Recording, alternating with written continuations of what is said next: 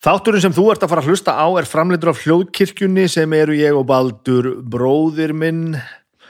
Baldur yngri bróður minn við e, erum hljóðkirkjan og við e, reynum að halda þessu úti, reynum ekkert við höldum þessu úti hver einstu viku, það eru vikulegi þættir og þeir eru fimm talsins eins og stendur.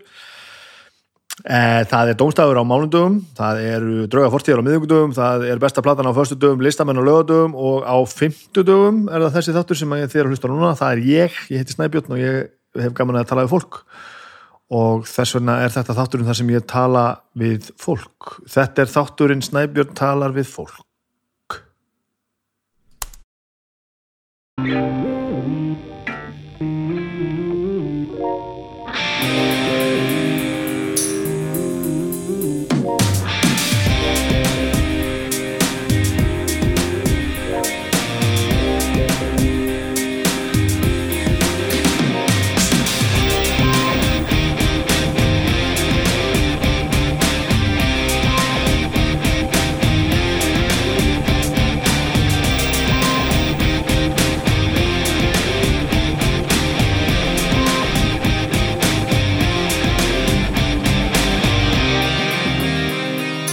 Lífið mallar sinn vanagang og þetta er allt saman ágætt. Það er orðið dimmt. Ég finna það dimmt.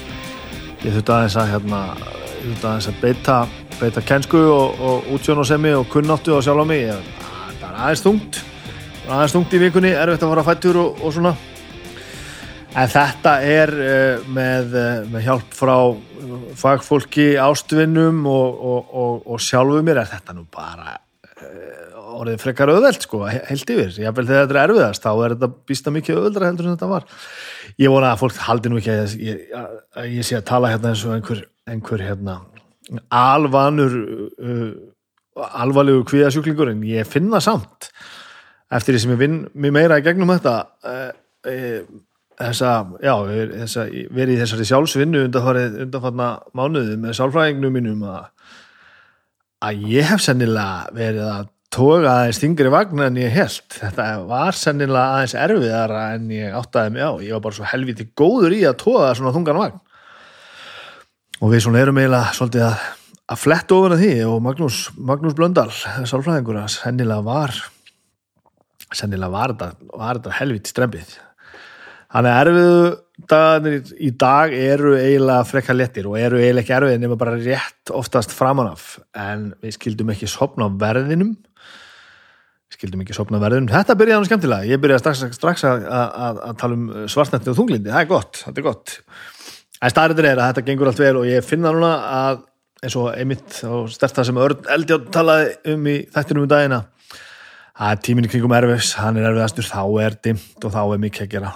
Og þó að sé ekki erfiðs núna og við séum í mitt í skrifnum tímabili þá breytir það því ekki, þetta er dimt það er fokking dimt það er ógeðslega dimt um, passið ykkur að, að láta þetta ekki gleip ykkur við, það er erfitt stundum þegar, þegar allt er dimt við til dæmis vorum með fengum heimsóknum um helgina svo, til dæmis, höldum áfram að tala um svartnættið.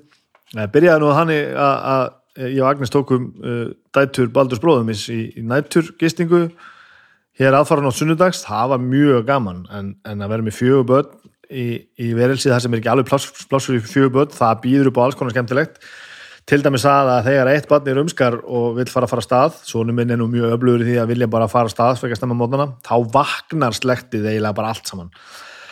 Þannig að svona hálf sex þá er allt drastli komið í gang.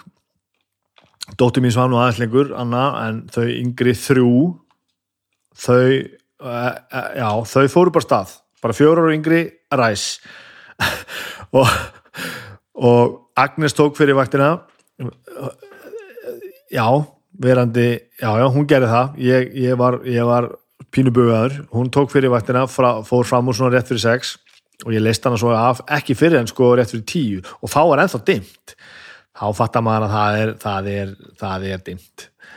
En svo var þetta mjög skemmtilegt og við náðum að svæfa börnin aftur. Ég fóð með þetta á rúndinn og svona og við bara kerðum þetta niður og fyrsta var séð, útséð með það að það þurfti að sækja þessi börn þá hóðum við fleiri vinn okkur á skaganum. Ég nú talaði með þetta fólk áður, Arnar og Ída komið hérna með strákana og við borðum við saman hinn í gerð og svo borðum við saman aftur og við horfum aðeins á amerískan fókbalta og og töluðu mikið saman. Og, og þetta er bara lífið. Það er nú bara að hittast og tala saman. Þetta þarf ekki að vera mikið flóknara. Og þetta var ógeðslega góð heimsókn og fólk sem ég hafi ekki hitt allt og lengi. Djöfull er það gott að hitta fólk sem er auðvelt að hitta á gaman já, ameríski fókbaltinn maður. Þetta, er, þetta var rosalega umferð. E, Reiters bara óvænt unnu Kábús ég held að þetta var í búi á Reiters að þeir myndu bara tapa öllu og, og Kábús nú ekkert, ekkert áreinanlegt lið.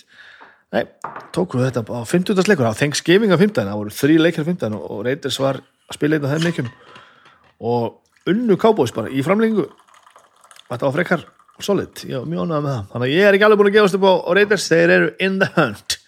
Skulum sjá hvort þið komast upp í wildcard slot. Áður en að þetta sísón kemst á, á enda þetta er spennandi. Ykkur finnst þetta öllum, já spennandi er það ekki? Nei, kannski ekki. Það er mjög gott. Sko um, annars erum við búin að horfa meira á sjónvarpið sko ég glemta að nefna það hennum dag við, við, við horfum á uh, þáttaröð sem heitir The Premise. Heitir The Premise, ég er að googla þetta hennar svo ég sé ekki að segja þetta vittlust sko. Já, BJ Novak hann er sem sagt framleiðandinn og, og höfundurinn aðeins og held ég öllu saman. Þetta er aðeins í stíl við þetta er aðeins í stíl við uh, Black Mirror. Þetta er svona hver, hver og einn þáttur er, er sjálfstæðið saga. Svona svolítið svona einhver svona pínu og svona útópiskur veruleiki. Þetta er ekki jafn ógeslega súrt samt og, og hérna og Black Mirror en samt alveg svona í sama stíl. Þetta er svona mjög svona, e, svona eitt stert konsept og það er svona aðeins pínu svona hérna þekkti leikarar og svona. John Bernthal leikur hérna í, í einum þettinum um, og fer þar á kostum og er náttúrulega einn stórkostlegur leikari þar á fært hvað er það að fretta af Punisher? talað um John Bernthal, áhverju er ekki komin önnur Punisher serja, það var ekki eðlilega gott sjónvarp. Þannig að það var skemmtilegt.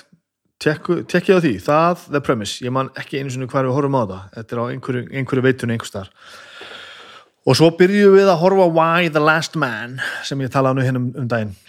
Uh, Why the Last Man er, er bara svona einhver staðar á á topplistunum yfir skemmtilegasta komik sem ég hef lesið uh, ég, já, ég talaði um þetta um daginn eftir Brian K. Vaughan sem skrifar Saga ef þið þekki það.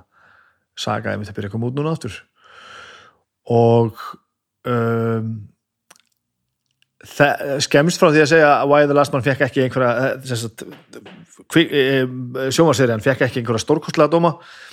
Og ég eftir að hafa hort á tvo eða þrjá þætti af, ég held þessi tíu þættir þá fór ég nokkuð að skoða þetta á Wikipedia og sá að það er búið að cancela þessu öllu saman, þetta lifði í eitt eitt sísón sem ég ætla að klára. Þetta er skemmtilegt, ég þekki söguna og svona og við settum nýri á Agnes og þetta þetta er bara gott, henni bara fannst þetta ljómandi gott líka. Þannig að við klárum þetta en þetta er ekki svona þetta er ekki þetta er ekki svona í A-klassa skulle við segja. Þetta er bara ljómandi gott. Það er synd og skömm þegar að jafn góður efni viður og raunbæri vitni kemst ekki almennilega yfir á sjónvarskjáin ég veit ekki hvað þetta er. Þetta er eins og já sumt að nú að vera að taka mikið af þessum teknumyndasögum sem við nördadur erum búin að lesa gegn, tíðina Preacher og Boys og og þetta Lock and Key og fleira og fleira. Og þetta, þetta, þetta, þetta tólkast mjög misvel yfir. En, en ég ætla að klára þetta, bara vitandi það ég þekki söguna og nú til þess að hafa gaman að þessu og, og þetta er ekkert leðilegt, þetta er bara ljómandi ljómandi fínt, en ég hef alveg til að sjá þetta. Þetta eru sko tíu treyt bækur sko. Ef maður rétt, já, ég er að horfa þetta hérna í fimm hardcover bókum hérna upp í hillu hjá mér og það eru tvær, tvö treyt í hverju, hverju bók. Á þetta hérna viðhafnar útgáfu fallegri og það hefði verið að treyna þetta híklust í, eða treyna, ekki treyna það hefði bara verið að setja þetta í fimm sísónu auðvöldla og kannski bara meira en þetta svona, þú veist, þetta gengur ekki alveg nógu vel. Já, Sweet Tooth, það var til dæmis eitthvað sem gekk ógeðslega vel, búið eitt sísón og því það, við getum, við getum farið með það allavega í þrjú sísón held ég. Mjög skemmtileg sko, eða meira já vel.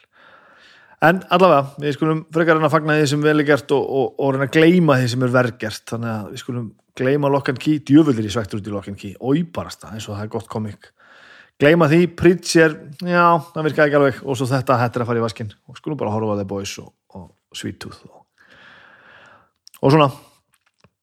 Mjög, mjög gott. Og hér bladra ég þessi lifandi sósköp verður nú mig, við þurfum að ræða hefur um fólki sem að gerur okkur uh, kleift að gera þetta. Samstafsæðilar í dag eru Simin Pay.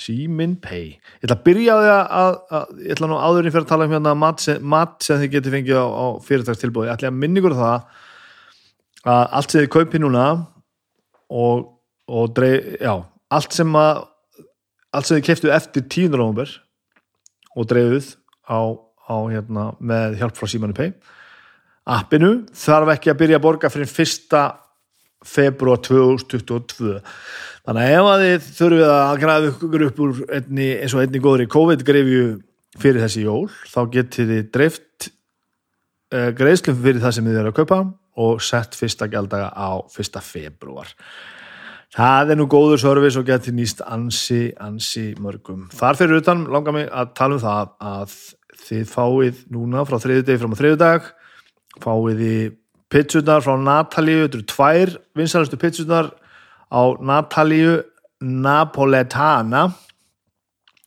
Sjáu þetta alltaf í appinu. Þá, það eru pizzur sem þið fáið að 1500 krónur. Og annars verður það Natale pizza sem kostar 2490 á verðinlu verði og hins vegar er það Classica sem á kostar 2290 fullu verði. Uh, Natale er ferskumjósalega sósa pepperoni, döðlur, mascarpone og uh, hunang. En á Classica er ferskumjósarella sósa, pepperoni og sveppir Það er það sem þið gerir, þið fara að segja ykkur sem Simin Pay appið, þið hlaðið því niður, bursið frá því hvað, hvað símafyrirtæki eða kortafyrirtæki eru þið fyllið inn allar uppsingar, þið skoðuð öll tilbúin sem það eru inni því jólið eins og vindurinn fáið ykkur að borða og skoðuð ykkur um, leggji bílnum ykkur með hjálp frá þessu appi og ég veit ekki hvað hvað, þetta er, þetta er helviti snjált, það verður að segjast sko.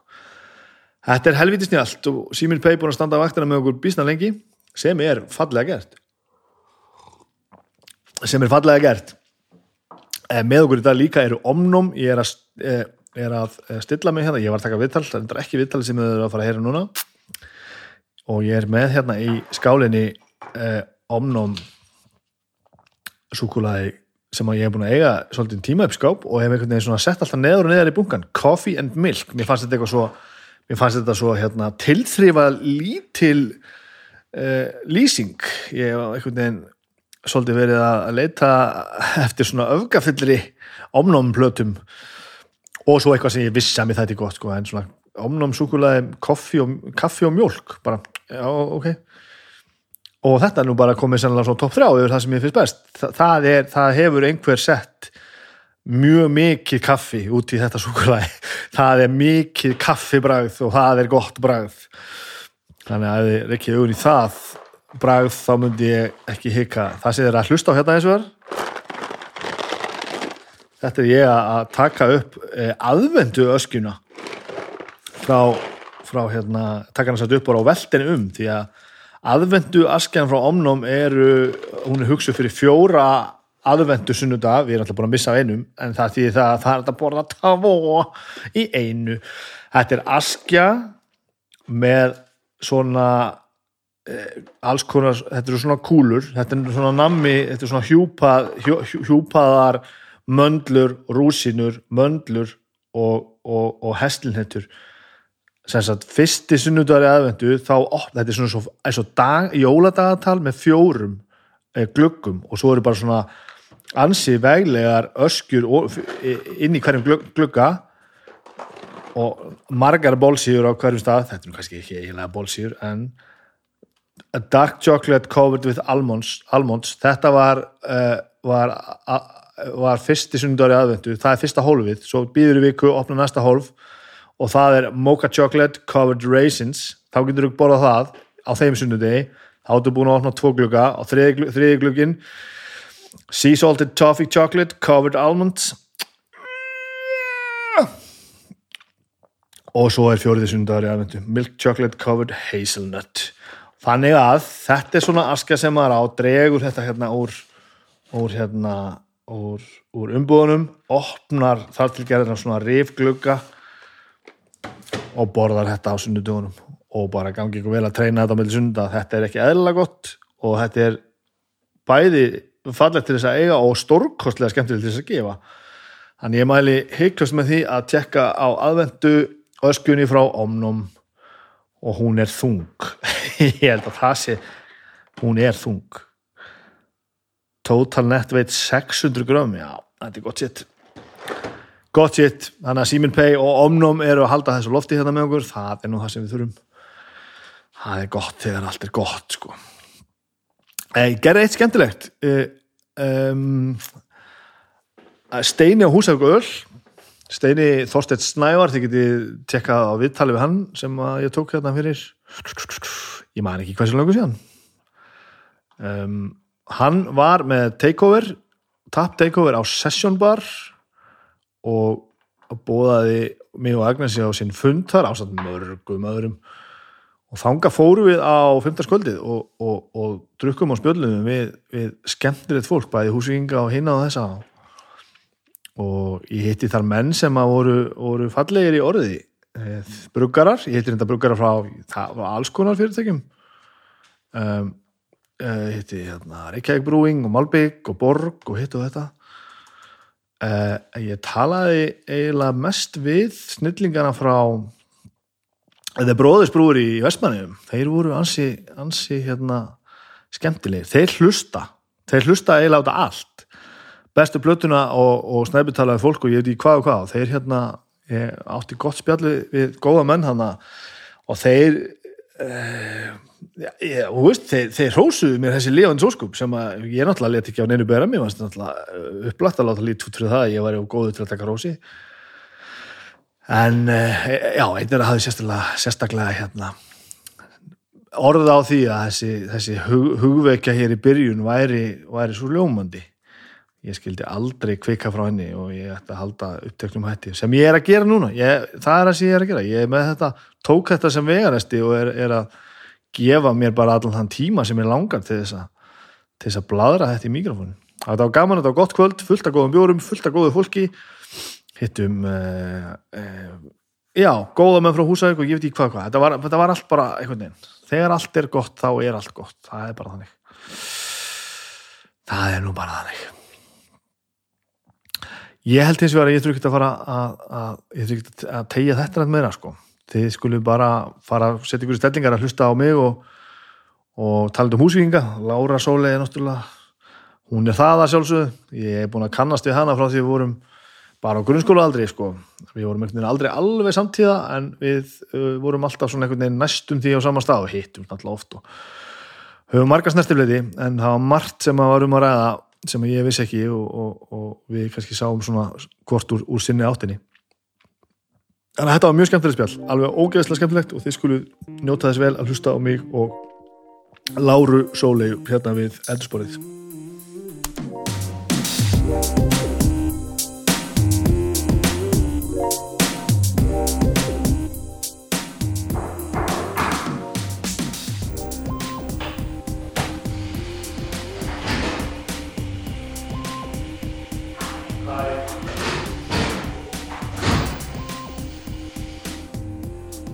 Finnur þú veist að því ég er alltaf ekki þú veist, gjör svo Já, sestu, takk fyrir. að því ég er alltaf ekki þú veist, ég er ekki alveg í sjóin sko, Nei, Þú veist, það er ekki sjór lögum sko, nei, einmitt, þú varst Hanna- alltaf lengi já, þar. 12 ára sko Já. 90 er ég að koma Já, þú já, segir já, já, einmitt. Svo þetta það að þegar þið eru öll að tala um sjóin sko, það skipt svo miklu máli, ég var bara mörg ár bara, já, já, áfram var bara sig. rosa fýtt sko svo veit ég hvort það er bara að því maður eldist og fattar eitthvað eða að því að ég var að, veist, fór í þess að kvala skoðun eða hvað það var Já, já, þú varst líka í því. Já, ég var alveg að gæta þetta í mörg ár sko.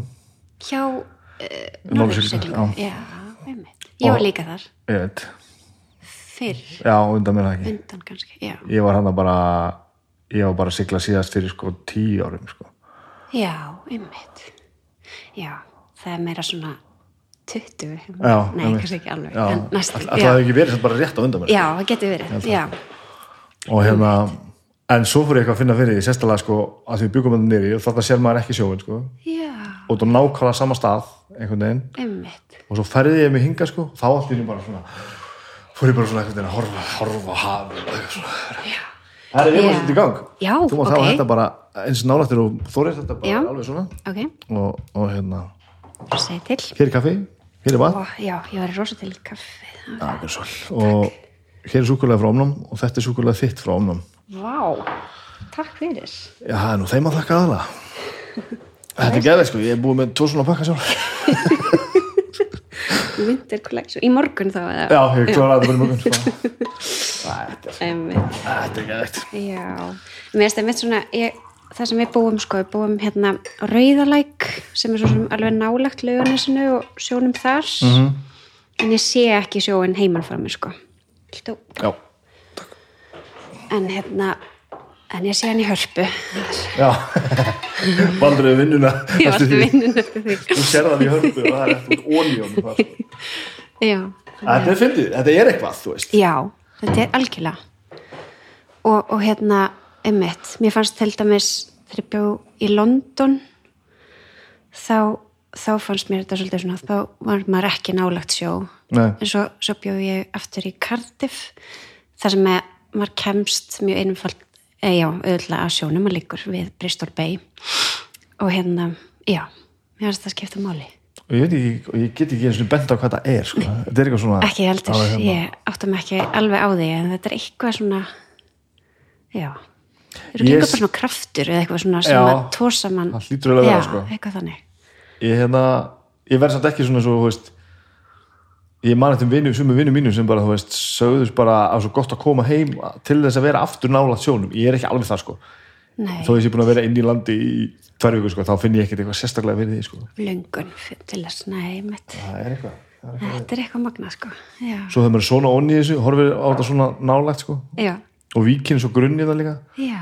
Þannig að það svo mikill munur að flóða fjöru þá fyrir maður að vera alveg nörd sko. Velta fyrir sér hvenar að hástremt og lástremt og allt, allt já, drastlið sko. akkurat. Ég var ekki þessi gaur fyrir þessi fimm árum sko, eða tíu, tíu árum. tíu var orðið einmitt. þessi. Það er magnað. Þetta er náttúrulega ótrúlega, ótrúlega áhugavert einmitt, flóða fjara og einhvern veginn. Getur séð svo margt á því hvernig eða þú veist, já, það var ekki með klukku og, og síma alltaf á sér og myndi bara nota þetta. Og þetta er bara svo risastóra breytingar sko. Mhm. það er bara á no time þá er bara færist geðið mikið af vatni til og frá eitthvað og maður stendur svona einhvern veginn á bakkan og bara hvað, bara velta fyrir sig hvað er, að gerast þetta? Er svo hver er tappan risastórt sko. en þegar maður er 12 ára eða 18 ára á fyllið þá er maður alveg sama sko. og maður bara er meðaldra og skemmtilega það er, já, það breytist margt já, hjá manni helgilega hvernig hefur að gera það? ef að, ef að Já. fara bara frá byrjun eða? Já, við getum gert það. Einmitt, fyrst er nú svona að tala um sjóin og Já, fyrst erum er það ekki bara erum einhvern viðiðandi já, já, já. Jú, ég er alveg upp við sjóin á Húsavík. Þú ert bara fætt þar innan við Já, jú, ég fættist þar og, og hérna ólst upp þangað til ég fór í mentaskóla já, en ég fór í mentaskólinu á Akureyri þegar ég var 16 ára. Mhm.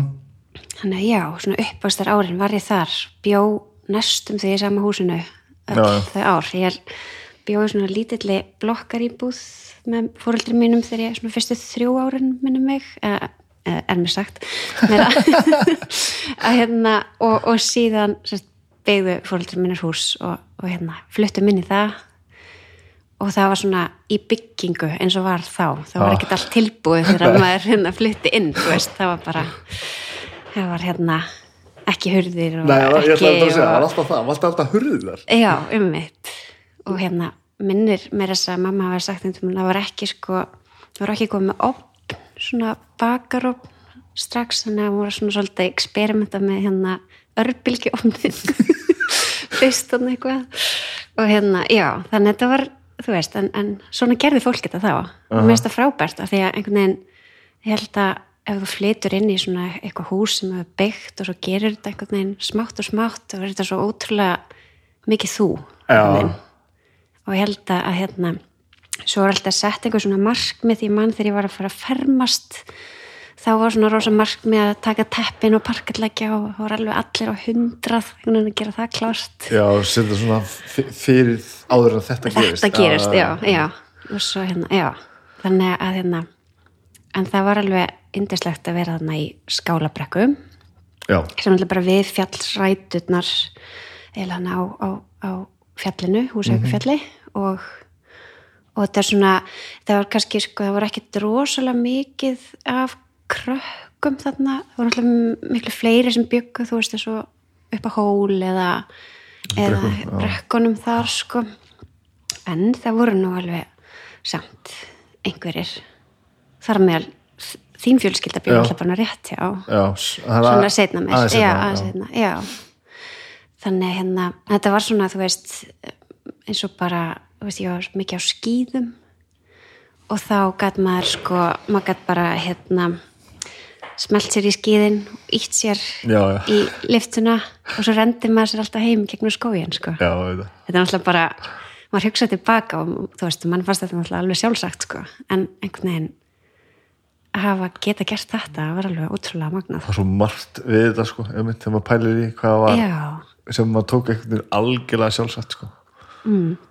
Svo er maður núna bara alveg, þú veist, getur við farið á skýði eftir vinnu, ég veit það ekki því að þú veist, maður tekur tíma að keira upp í bláfjöll og já, ég veist, þetta er svo miklu meiri svona prósess að maður bara þú veist, átt ára hendi sér í skýðin og -hmm. fór upp og, og var þar með kakó í brúsa, þú veist. Já, það var magnað sko. Og náttúrulega kannski líka svona nálægðin bara þú veist, þú sér þannig staðsett eða gatana, þú veist, maður nálægt skólanum og tónlistaskólanum og íþróttahúsinu og þannig að maður hafði þetta allt bara í einhverju svona fimm tíminna radjus já, það var þannig okkur líka af því að þú byggum fyrst þannig í gamla skólanum Já, og svo já. í gr- grundagarinum já, um mitt og þú varst eiginlega aldrei orðin og seint fyrir en að þetta var- eitthvað bara byrjað sko. Já. þó að það væri sko þrjár minnur í handbóltæðingu þá varstu samt orðin og sko. þetta var alveg magna sko og, einmitt og þess vegna held ég að maður þú veist, gæt maður gerst líka svo margt þú veist eins og þarna ákveðnu tímapunkti að maður, þú veist, æfa skíði og maður er fimmleikum og, og læra á fiðlu og í kór og þú veist, Já. ég kæmi þessu aldrei inn í dagskrá barnana minna hér Nei. í dag sko þannig að hérna, já það er svona kannski kosturum við að vera í svona minna samfélagi þannig að hérna, já ég held að vera að alltaf bara beint í ókostina en ok, þér það er kannski kosturinn sko. Já, nei, ég meina það var alveg að, hérna, auðvitað, mjög margi kosti við að- að, að vera í minna samfélagi en hérna og, og svona, þú veist, mótar mann auðvitað svolítið fyrir lífstíð held ég, þú veist, hvernig þú veist, ég segi fyrir mig að því ég var náttúrulega í tónlistarnámi og tónlistin alltaf verið svona stór partur af mínu lífi að þá held ég að svona svona það svona tónlistar uppeldi sem maður fekk á Húsavík hafi einhvern veginn var alveg ótrúlega dýrmætt og allt öðruvísi he- hefði, heldur en það hefði verið þú veist, þó maður hefði bara búið á Akureyri sko. mm -hmm. maður var einhvern veginn svona að spila á fylgu og svo, svo spilaði maður bara með þeim sem vildu spila líka já, það var rosa mikið það sko. Og, og hérna ég man ekki, þú veist, ég var oft einhverjum bara þegar ég er satt eitthvað sjóra, sjö, átt ára þá var ég hljómsveit með fullta strákur sem spila á harmonikku og, og þú veist, það var bara öllum hljóðfærunum skellt saman og eitthvað búið til. Og það var svo skemmtilegt, þá kynntist maður einhvern veginn svona líka sköpuninni í því, sko. Já, þú veist, að, að það var ekki einhvern veginn svona formfast að af því að lærðir að fiðlu að þá fórst í strengjasveit nummer eitt og svo nummer nei, tvö og þrjú eða skilur þetta var einhvern veginn það var svona, já mörguleiti meiri, meira skapandi umhverfi þannig það voru já, ég- sko, það voru nokkri þarna svona, svona bara kennarar og bara svona fólk sem að var eitthvað að lifa, lifa og hræðast í þessu sem voru svona, svona tónlista drifin manni sko. Mhm. -hmm. veist, þetta var kannski ekki stýrst ekki endilega bent um hljóðfærin eða þú veist að gera eitthvað rétt eða rámt eða þetta var rosa mikið sko, tónlistin fyrst einhvern veginn já, og allir svona einhvern veginn bara láta það gera sko, spila Já. saman og gera eitthvað Já. og brasa sko. algjörlega og ég man, þú veist, hérna ef maður fekk hugmynd og langaði að spila eitthvað lag þú veist, ég man nú bara mjög vel eftir pappa þínum í því samangi, sko, þá bara útsetti hann það fyrir hópin sem maður vildi eða let mann útsetti það og, og svo var það bara spilað, eða þú veist það var, það var þetta svona ef maður horfið tilbaka það er alveg ótrúlega dýrmætt. -hmm. og ég spilaði líka mikið með hérna, Ditta Hall já, og Ingimundi. Já, og alls konar lög sem ég hafði, þú veist, hérna aldrei heyrt. Og þeir alltaf bara allt í lagi vinnan við spilum með einu sinni og svo kantu þetta. Þú veist, bara pikka eftir eiranu En líka og- bara þe- þetta attitút að- manni var kent að þetta væri ekki svona stórkostlegt mál. Einmitt. það voru bara allir með og bara Já. þú gerir þetta bara eins og þú vilt. Og svo bara Algjörlega. allir einhvern veginn leipina og veist, hjálpa til og eitthvað. En það er ekki svona eitthvað, ei, svona og svona og þetta er rosa flóki og erfitt og það verður að læra í mörg ár og þetta. Já, einmitt. Það var svona önnur nálgun. Já, og líka, líka held ég þú veist, þetta einhvern veginn að finna að maður gat svolítið, þú veist, fengi hugmynd og láti henni verða veruleika. Það held ég að skipti rosa miklu máli og það er eitthvað sem ég uppliði þú veist, líka bara og tengist náttúrulega bara svona einhvern veginn áhuga mínum á að vera að skipuleggja eitthvað. Að, að hérna að þá þú veist, ef maður fekk hugmynd að því að halda tónleika þá bara gerði maður það. Já, já. maður fór á bæjarskrifstofun og spurði hérna, getið þið kannski lána mér þetta eða hitt eða styrst eitthvað ákveðið og, og það var einhvern veginn það var alltaf allir til. Já, þannig að hérna ég held að það sé ekkit sjálfgefið í ekki, allavega ekki endilega í, í svona stærri samfélögum sko. nei. Þetta er náttúrulega kostur við svona samfélag já, það er þetta, já. Já, Þú þetta veist, ég hugsaði með stundum tilbaka þú veist, þegar ég var ég held ég að vera eitthvað svona 17 ára þegar ég skipulaði svona tónleika röð í kirkjunni með alls konar fólki e- eitt sömarið ég, var svona að hugsa tilbaka þú veist, ef ég væri fræðslu stjóri eða eitthvað svona og einhver kæm og segði, herri, ég er fóð ekki að þetta. Ertu til ég að láta mig hafa fyrning til að borga flugir fyrir þá sem er að koma að spila? Þú veist, ég, ég myndi örgulega að segja já sko sjálf í dag en, en minnst, það er ekki sjálfgefið samt að hérna, já þannig að svona það er alls konar svona reynsla sem að hérna, maður tekur með sér úr Hva, hvað koma þessir tendensar að þurfa að vera skipuleika tónleika þegar maður er 17 líka svona tónleika sko Já. ég var alveg að skipuleika tónleika, Tónleika. það var annað sko það var svona líka geggja sko Já, já. og það var líka og það var kannski líka og maður var svona þú veist, og ég hef alltaf verið svona hrifin af bara allri tónlist einhvern veginn, þú veist, mér finnst gaman að fara á alla tónleika, burt sér frá þó ég hef einhvern veginn svona verið kannski fókusera meira á klassikina sko ég veit ekki hvað, hvað það var. Kannski er það bara akkurat þetta uppeldi að maður bjós alltaf til tækifærni sjálfur. Og þá einhvern veginn mér fannst það mjög skemmtilegt. Mér finnst gaman að skipulegja og, og svona vera eitthvað eitthvað hérna. Já, hvað ætla að segja ráðskast eitthvað? Já. ég veit ekki hvað að segja. Hérna þannig að hérna já, það var nú held ég bara og, og kannski svona metnaður fyrir því einhvern veginn að, að þú veist, það væri frambúð af tónleikum og það væri þú veist, eh, eins og þarna á þessum tíma, þú veist, það voru hérna krakkar eða svona ungt fólk sem hafa verið í tónlistan á með einhverstaðar, maður var að fá þau tilbaka til að koma og, og spila fyrir bæinn, þú veist, mér finnst það eitthvað svo skemmtilegt og fallegt og svona kikkar húsvíngurinn sko. já, já, algjörlega sko, heldur betur þannig hérna, já þannig að, og líka svona við fórum hana voru nú hérna svona ákveðin kjarni sem var að skipilegja hér tónlistarveistlan svona einu svona ári Já. það byrjaði einmitt líka bara einhverju svona, þú veist bara hérna áhuga á að fá fólk til að vinna saman og gera eitthvað flott varst þú í, í byrjunum því? Það, já, það byrja- já, já, ok. það var hérna, já, fyrst það byrjaði nú vel fyrst voru hérna Sigurvi og Jóhanna vorum fyrst meina einhverja svona tónleika Systurna? sýsturnar, Já. já. og svo, svo hérna var ég að vinna þessu með Guðna Braga Aha. Og Kristjáni Þór og þú gegnum þetta allt Eh, já, þannig til að Guðni svona tók Já. tók þetta Já. upp á, já, hann þetta gekk alveg svolítið mörg ár, sko já, og þú veist Held ég. er, er ekki e- e- alls konar sem er gert ennþá sem er svona með þetta, þetta svolítið sem fyrirmynd sko. þú þetta heit Jú, kannski eitthvað, eitthvað annað og sé kannski einhverjum öðrum tímum með eitthvað Það getur alveg verið, ég þekki kannski ekki alveg nóg vel núna, en já. Mhm. Þetta var, þú veist, einhvern veginn, þarna var Addi Lögga að syngja og, og þú veist, einhvern veginn, það var svona bara þverskurðurinn af, af bænum, sko, allir komnir saman til að fannst vinna þetta að alltaf, þessu. alltaf skemmtilega að þetta, var- að það voru þetta þú veist, þetta voru, að því að í svona bæ er augljóslega svo mikið bungi af talent sko. Já, og mér fannst þetta miklu minna gaman þegar við erum að fá bara einhverja aðra sko. Já, einmitt veist, Magni er rosa góður að syngja sko. Já, en, já, en, já. en það er fínt að hann gerir það bara það. ég er ekkert að koma það til þess að sjá það sko. eða því gaman að blanda þessu, ekki Já, miskilja sko, nei, nei, nei, einmitt en þegar það átti að vera eitthvað svona uppistað í svona hlutum sko, þá er svona já, ég, vil frekar sjá alla lögur sko.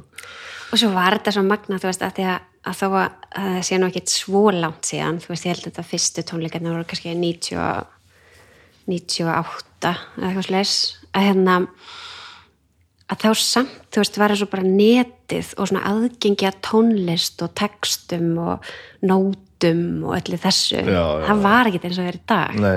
En maður satt og var að skrifa Já, ok. upp textana einhverju lögum og þú veist, ég vissi um að ég myndi finna þetta núna og lesa ennskuna sem ég skrifaði upp, þú veist, þetta er örugglega verið algjör steipa Eftir hlustun bara eftir hlustun já, já. sem að hérna, var svo verið að, þú veist, maður fann ekki þessa textendilega á netinu og hérna, já, þannig að það verður mjög áhugavert ef að, já, það er nú örglega einhverju upptökur til af þessu sko, en hérna, já, held ég. Það er örglega verið að syngja bölva steipu og, Ó, þetta er verkefni. og spila eitthvað. Verkefni væri svo að fara og hlusta á þetta aftur og skrifa það niður og sjá hvert, hvert eru komið þá Ég sko. dokumentera það, um, það verður mjög gott. Veistu ykkur hvað þetta kemur þetta, þetta skipulags? Hjá mér, eða þú veist, þú tala þannig ég, veist, ég upplifið ekki svona þú veist, eins og þú ert að tala um þig alveg sko. en Nei. ég maður samt eftir því svona að láta hlutina gerast. Já, emmitt Ég veit ekki, pappi minn skipstjóri mörg ár. Það er ekki bara auðveldast um að segja Bara ég hef bara verið, verið þannig. Nei, ég, ég, sko ég er kannski líka svona þú veist, ég er svona uh, frekar líka bara svona hérna svona nákvæm þannig. Mér finnst gott að hafa hlutina tiltölega mikið á hreinu. -hmm. Og held að það tengist kannski bara einhverju svona þráhyggju og, og kvíða í grunninn, ég veit það ekki sko, þú veist, maður bara einhvern veginn vildi bara hérna, já, og það teng- tengdist náminu og, og svo líka þegar þú veist ég var að, að spila, allir að segja ekki svolítið svona, maður bara einhvern veginn hefði þörf fyrir að vera skipulaður og, og kannski líka, þú veist svona veist, að vera árangustrifin einhvern veginn, þú veist, að vilja alltaf vera einhvern veginn að ná einhverju markmiði ég er svolítið þar, Já, já. Ég það stundum að passa mig, þú veist, að bara svona hú, ok. Er alltaf lægi, frá fínt njóttu. Að því ég er svona svolítið mikið alltaf að hugsa hvað ég ætla svo að gera næst. Þannig ég að veit þessum þú gerir það, það. Er alltaf að vera best, besta það sem þú með í gangi. Já, svolítið sko. Og það getur alveg, þú veist það er mjög gott að mörgu leiti en maður þarf líka að passa sig að geta svona staldra við og svona bara notið og, og hérna. já, þannig að, hérna það sé ekki bara svona einhver sambland af þessu sem fær mann til að hafa þörf fyrir að vera að búa til eitthvað sem að já, hugsa það og ertu komin í einhvern svona einhvern svona farveg hérna bara fljótlega þú veist, þú, náttúrulega Mm. frá því að ég, þú veist, ég kem til húsa eitthvað 90 sko, Já. þá ertu strax orðin fiðlu manneska, bara, Mm. veist, þá ertu bara fann að spila fiðlu á fokking fullu bara Já, ég ætlaði sko markmið mitt var hann að mann ég sko því ég var með svo æðislegan fyrirkennara þegar ég byrjaði, hana Sigriði Einarsdóttur mm -hmm. indislega mannskja og þú veist engin smá hefni einhvern veginn að byrja og þú veist, fá einhvern veginn insinn inn í tónlistina hérna frá manneski eins og henni og þá er ég sex ára þegar ég byrja að læra á henni og það var nú bara svona fljótlega eftir það sem ég ætlaði að verða fyrirkennari Þetta er að fiðlu kennari? Já. Ok, ok. mér fannst, ég vildi bara verða hún eða þú veist, mér fannst þetta bara alveg frábært og svo náttúrulega bara, þú veist hérna var ég dögulega að æfa mig og hérna og kannski svona líka, þú veist að því að ég var á tímabili svolítið, hvað segja þú veist, ég var svona svolítið bara ein eða þú veist, ég var svona eh, ég veit ekki hvort ég, ekki kannski beint einfari en ég var samt sjálfur með nóg -hmm. og mér fannst bara rosalega gott að fara í skólan og fara svo heim og æfa mig En alveg ánað, það er ekki, þú veist, og alveg vinnu og félag og já, svoleiðis. já, já, já, alveg á þeim tíma mjög bara, þú veist, en, en þetta var einhvern veginn svona eitthvað sem mér fannst bara rosalega, ég hafði bara rosalega mikið áhuga á þessu, sko. Og fiðlan þá, já, fyrst og fremst, fyrst og fremst já. fiðlan þá, já. Og ég veit svo sem ekki alveg einu sinni þú veist, hvers vegna það varð fiðlan, sko. Ég man eftir að einhvern tíma séð krakka spila á fiðli í sjónvarpinu eitthvað svona hópa krökkum það svona er svona- þetta. það er eitthvað þannig. Og svo vissi ég veist að langaf minn hafði spilað á mér varst það líka svona eitthvað neginn spennandi en það spilaði enginn á fiðlu sem ég þekkti. Nei, í kringum mig eða neitt svo les þannig ég bara vildi alls ekki læra blokkflutu og sagði bara akkur ekki? Ég veit það ekki einu svona þú veist, jú, kannski kannski bara einhvern veginn kannski var bara svona áhugin svona rosalega mikill og, og hérna og hérna, það voru eiginlega allir í bekknum að spila blokkflutu já, já, já, einmitt og kannski er það það kannski vildi ég ekki gera svo allir hér já Ég byrjaði á laugum að spila blokklistu sko. Þa, það Já. spiluðu veisli bara allir en það Já, voru náttúrulega einmitt. svona margir sem þýtti það að þú týndist ekki í einhverju skói sko. nei, emmitt, en ég lærði á blokklutu í fimm ár sko. bara mjög konkrétt á blokklutu í fimm ár ég var bara ógeðslega góður á blokklutu blokkflutu spilar ennþá ég get það sko. En, en nei, ég er ekkert góður lengur sko. En ég meina ég blæs í alls konar flautur með Hálfvitunum, sko. já, og það er bara einhverju gömlu vö- vöðaminni sko. Ég get spilað, þú veist, góða mamma og maður átti lítið lamp svona, bara ef ég, það- er ekkert mikið betur en það, sko. Ja, þetta er frábært hljóðværi sko. Já, og það er alltaf búið að skemma það sko. Já, já, við algjörlega. sjáum náttúrulega bara skóa einhverjum óþólandi börnum að blása allt og fast sko. Já, einmitt. Ég, já, ég hérna, já, þetta var allavega eitthvað, þannig að mamma fór sko og talaði við tónlistaskólastjóran Átna Mhm. og bara f- spurði hvort fekk leifi til þess að ég fengi byrja á fiðlu. og þetta, er- þetta er bara þú sex ára Já. að heimta það að Já. fá að gera eitthvað annað Já. ok Og það var ekki, þú veist, þetta var ekki einhver hugmynd komin frá fóreldur mínum. Nei. Nei, þannig að það er, svolítið- er svolítið Dóttir mín skemmtilegt. er sex ára sko. ég, já, já, jú, ég sé hann reyndar alveg fyrir mig gera þetta Já, það er kannski einmitt það sko. og svo, já. En allavega, þá, þá hérna, þá var þetta líka, þú veist, af því að verið svona litlu samfélagi, þá þetta fekk maður alls konar tækifæri og það gekk vel og ég var að spila út um allt, þú veist, á einhverjum svona kífaniskvöldum og, og fyrsta mæ hátíðar þetta var skilur, eitthvað svona, maður var alltaf einhvern veginn en náður tökum á þessu Já, ég, ég, ég held það. Ég man allavega ekkert eftir að verið kvarta mikið yfir mér heima, sko. Af því að ég er nú alveg kent á fyrlu og, og á börn sem læra líka fyrlu. Þú veist, ég veit alveg að það getur verið tekið á hérna smá þólimaðina, sko. Fyrir að vera að byrja, sko. erfiða tíðnir hann að fyrst sko. Já, það getur verið það, sko. En, en hérna, ég held að já, ég held að svona tiltölulega rætt, þú veist, það hefði einhvern veginn farið að ganga, allavega svona minningunni ég er búin að blokka hitt bara blokka hitt hérna í burtu músík heima hefur, þú veist, hefur það sko, ég mamma og svona og, og móðufjölskyldan það var ekki, ekki tónlistamenn, en mamma har alltaf verið í kórum og, og mikið sungið mjög mikið sungið heima og, og afi líka mikill flottur söngmaður. Þannig að veist maður það var alltaf það var mikil tónlist þannig og maður hlustaði mikið á, á tónlist pappi minn er nú kannski ekkert sérstaklega svona músik, eða þú veist hvað, passa mig.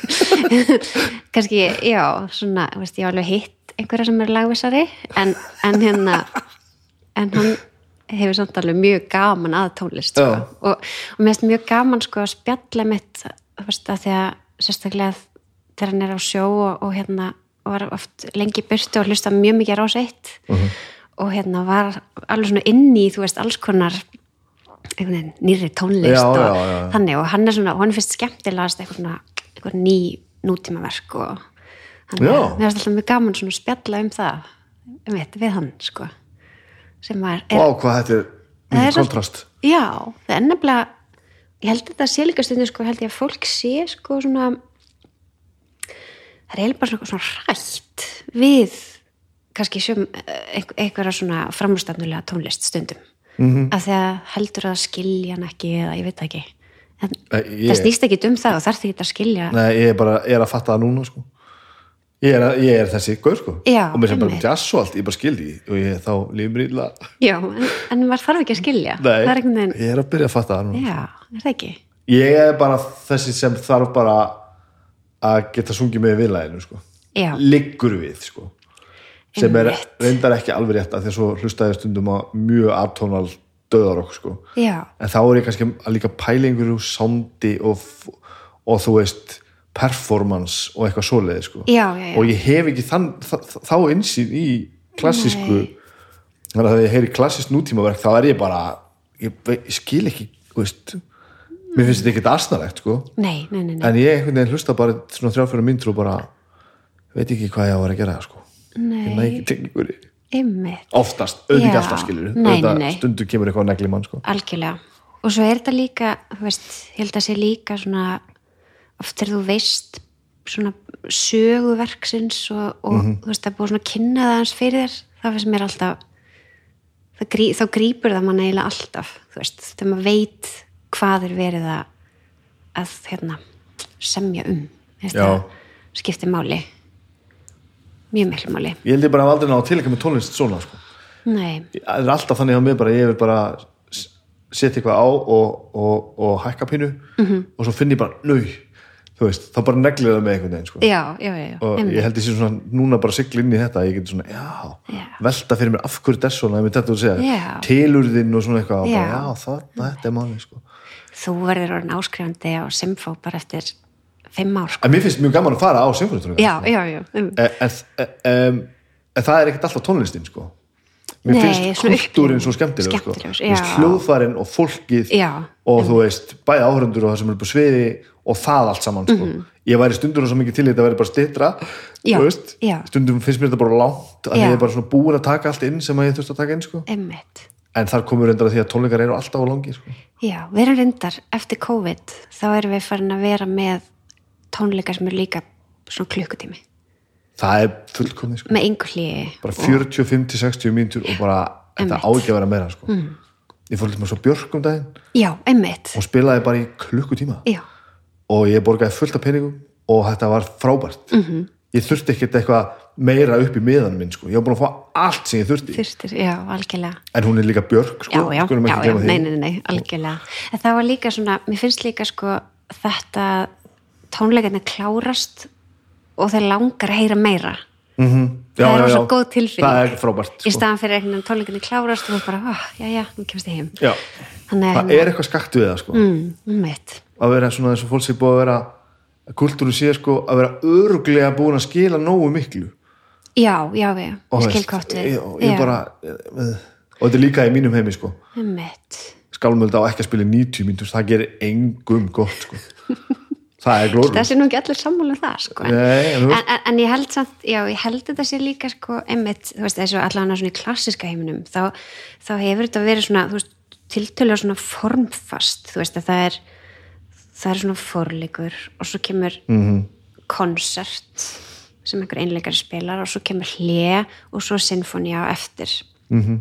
hérna eftir hlje og og, og þú veist, COVID kend okkur að þetta form er ekkit heilagt þú veist, það má alveg snúa sig bara alls konar. Já, já, og, og þegar við vorum að vinna með það að geta ekki verið með hlje og, og geta ekki prentað prógram út af við vissum stundum ekki á mánudegi hvað myndi gerast á.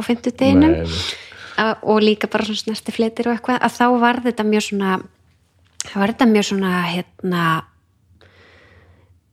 já, bara einhvern veginn eitthvað sem þróaðist og þá erum við, þú veist, allt einu komið með kynni á svið sem segir frá verkunum og, og svo er þau spiluð og, og það var til bara eitthvað svona form sem að rosalega margi voru ánæði með Mhm. -hmm. þannig við ákvæðum bara, við höldum þessu bara áfram og fyrir utan það þá, þá er þetta akkurat líka svona sett upp sem er sjónvarpsvænt já, já, já, og nú erum við bara komið með þú veist, beinar útsendingar reglulega og rúf út frá þessu þannig að það, það er ekki COVID, COVID er ekki all slæm Það er búin að kenna okkur margt. Já, Það er búin að kenna okkur mjög, margt. mjög margt sko. og, og eitt sem að er líka gott að COVID hafi, lengst aðeins í því sko, að við erum líka búin að læra að að við náum að ljúga svo lengi af okkur sko, að, að sumt væri gott. Já, að það er það ekki sko. Nei, nei, Það- nei, það er ekki að taka alla fundi í fjárfundi, það er ekki hægt sko. Alveg fyrsta ári voru bara, já við þurfum aldrei aftur að fara úr húsi, við gerum þetta bara allt svona Svo bara, núna- og aldrei til útlanda og ekki en núna er maður bara, nei, það er ekki þannig sko. nei, algjörlega og, og, en samt, þú veist, það sem ég er líka sko, ég er rosalega þakklátt fyrir að þú veist, þegar ég labbaði þannig að förstu daginn 13. mars inn á svið í Eldborg og aflýsti tónleikum sem átti að vera 14.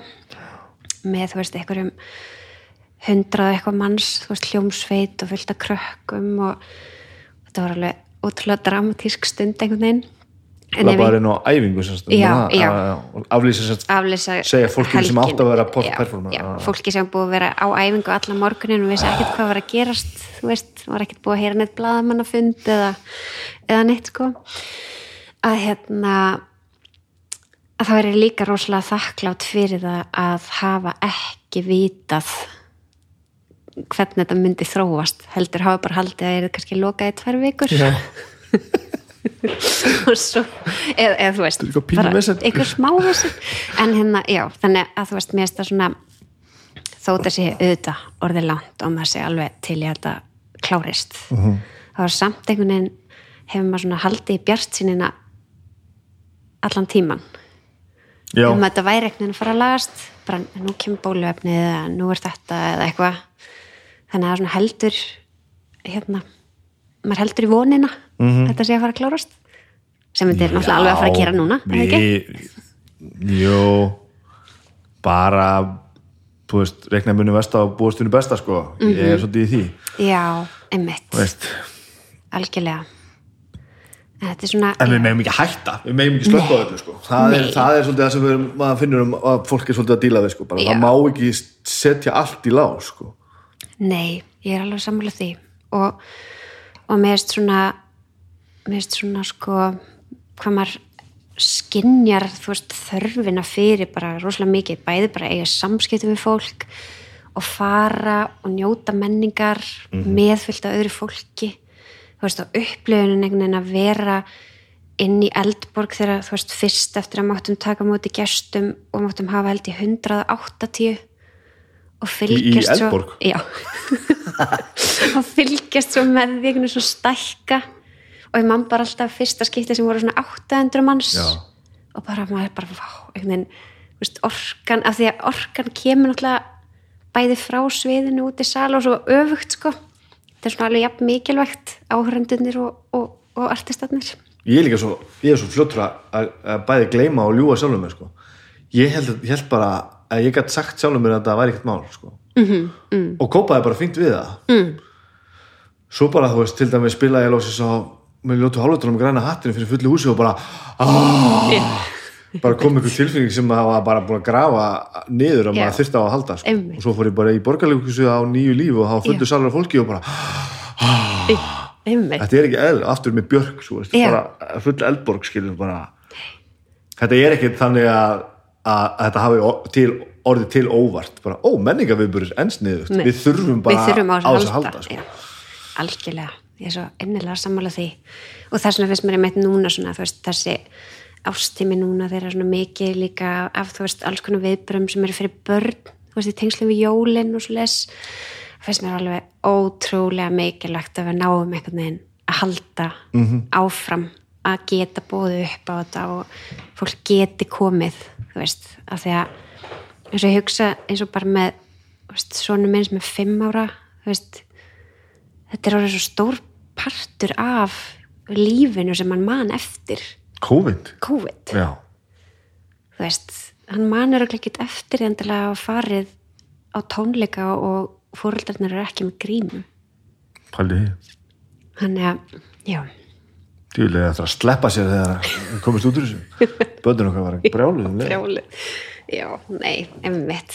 En að því vorum að tæpa þessu með hérna út tala með stitt í tónleika og allt saman. Já, þú veist mann hefur svolítið hætt við að hérna fund, fundist svona loða við klassi, svona háklassíska geran Mhm. að það sé svo erfitt að breyta sko.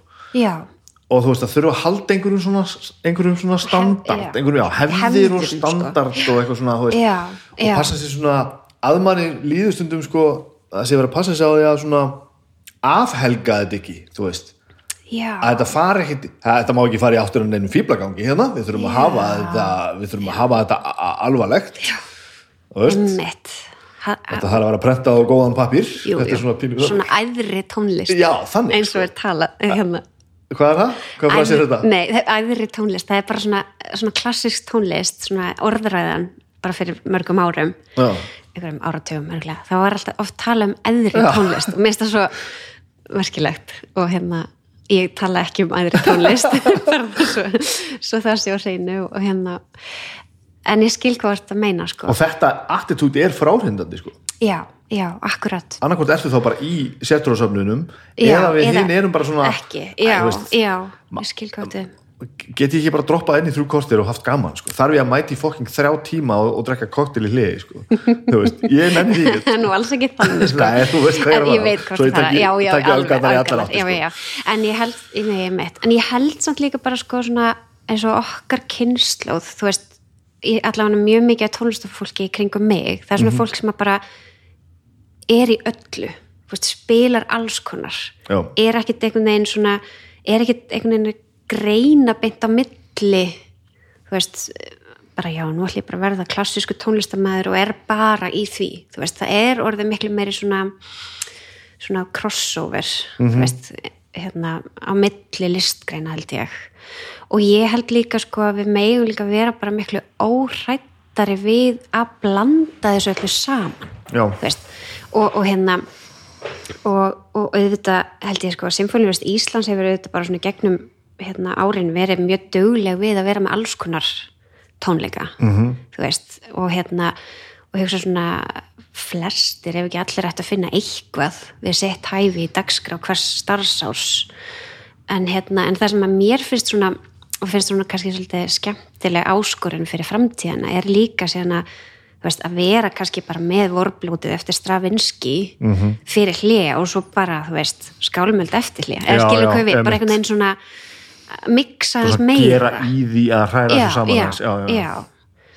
og hérna og það er svo veist, það er svo magnað eins og við vorum í hérna í haust með tónleika með svona, svona pop og rap senunni Mhm. hérna þar sem að sko tónleikarnir hófust á, á forleik sem að Björk samdi Mhm. fyrir Dansverðinu Dark sem er mjög svona hátilegur og, og æðislegt stykki þú veist, og fór svo yfir í hitt að það hérna já, maður á að vera svona óhrættur við einhvern veginn að að setja hluti saman. Veist, það þarf ekki einhvern veginn að það þarf ekki að vera, það þarf ekki að aðgreina. Nei, ég skilji. Þannig að hérna og ég held líka sko að, að þú veist bara þetta listform bara sinfoníuljómsveit þetta er svo þetta er náttúrulega svo ótrúlegt. Þetta er svo magnað, þú veist, að er vera bara með já, sko. þú veist, vera bara með 90 manns sem að bara þú veist, allir saminast og fylgja sæmi manneskinni, þú veist, þetta er einhvern veginn þetta er alveg ótrúlegt hljóðfæri. Já, þetta er- svakalegt sko. og þú veist að hérna og ég held að, emitt, og, og, og það er líka svona emitt að, að hljóð heimur sinfoníunar fái noti sinn í þeim verkefnum sem að hljómsveitin fer í skiptir mig svolítið miklu máli þú veist, mér finnst það ótrúlega mikilvægt. Og það er ég algjörlega saman að það sko. og, og það er alltaf yfirleitt, yfirleitt sko, fokkopi sem að er, er gert þegar að vera að kollaba eitthvað með symfóniljómsveit það er að, að fara að nota symfóniljómsveit sem eitthvað annað en hún er sko. já, algjörlega. Bara akkurat að nota symfóniljómsveit ef hann á, á hún á ekki að gera symfóníustælala já, algjörlega. Það er svona, það, það er akkurat sem að mér finnst mjög mikilvægt. Já, og er svona útgangspunktur þú veist þegar maður er að, að hérna, horfa á verkefnin og, og svo les og hvað hægt er að gera sko. já, en ég minna það var það var æðislegt að hérna hafa flóna að syngja autotune þú veist, já með hljómsveitinni og sko. þú veist þetta var alveg, já ótrúlega flottir tónleikar sko. Að hérna en það er náttúrulega endalísu möguleikar. Er, er einhvers til dæmis sem að þú veist lætur þetta pyrra sig Mm. þið fáið, þú veist, fólk kvartar ekki lengur yfir í að þú veist, að sé vera ég mann til dæmis þegar að, sko, það var verið að byrja þetta svolítið mm. þetta var ekki botlega á kvara sig eitthvað sem byrjuði Jú, sko. ég held að það veri og það fyrst alveg gekk ekkert nógu vel sko. það var Já. bara, þú veist, know-howið var ekkert í staðar tæknimánu voru flókin, fólk var ekki að tala, sam, tala saman tungumáli og þetta var bara styrt sko. og bara allar þakkir fá allir sem var stóðið því til þess að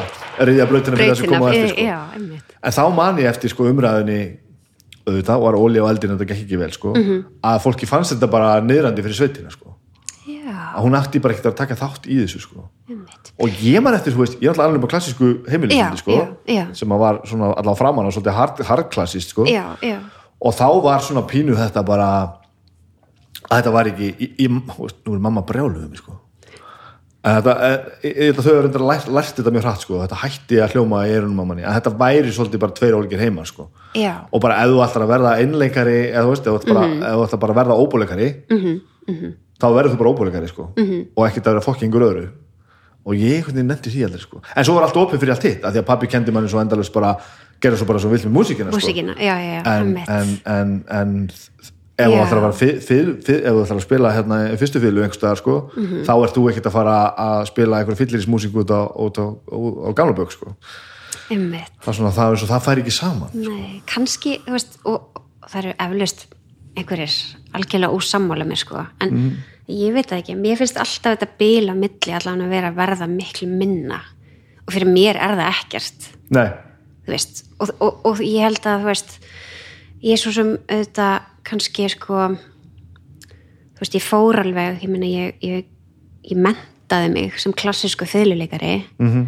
en meðfram náminu, veist, spilaði ég til dæmis alltaf í veist, bara því að ég hafði líka þörf fyrir það. Veist, mér fannst það bara einhvern veginn og það hefði pottit ekki slæm áhrif á námi mitt. Nei, þú mistir ekki víbratóið ef þú spila rockljósveit en ég marði þessar umræðu, nákvæmlega þetta þú væri bara að spila ok, öðruvísi. einmitt.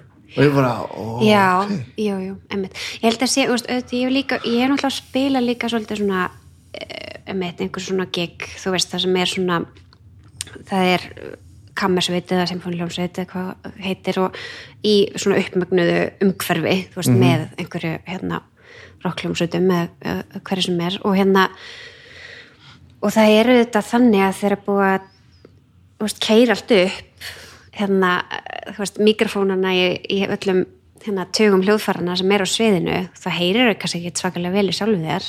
Nipp, og þá ferð alveg að spila svolítið öðruvísi. Já, og það er þetta sem að mig langar að hverfa frá. Veist, ég vil hafa þetta ég vil að sinfoníu af því það er mjög mikið power í 90 manns. Mhm. -hmm. og maður þarf svolítið veginn að horfa á þetta þaðan og svo hverju bætir við og hvernig gerur það? Já. Þú veist og, og möguleikarnir í því eru miklu meirinn í Eldborg heldur en í Lögudalshöll Já, já, einmitt, þú veist, það er ekki alveg sambaralegt sko. þannig að ég held bara svona við um eftir að alls konar hlutir hvað þetta var það sem munu þróast á næstu árum.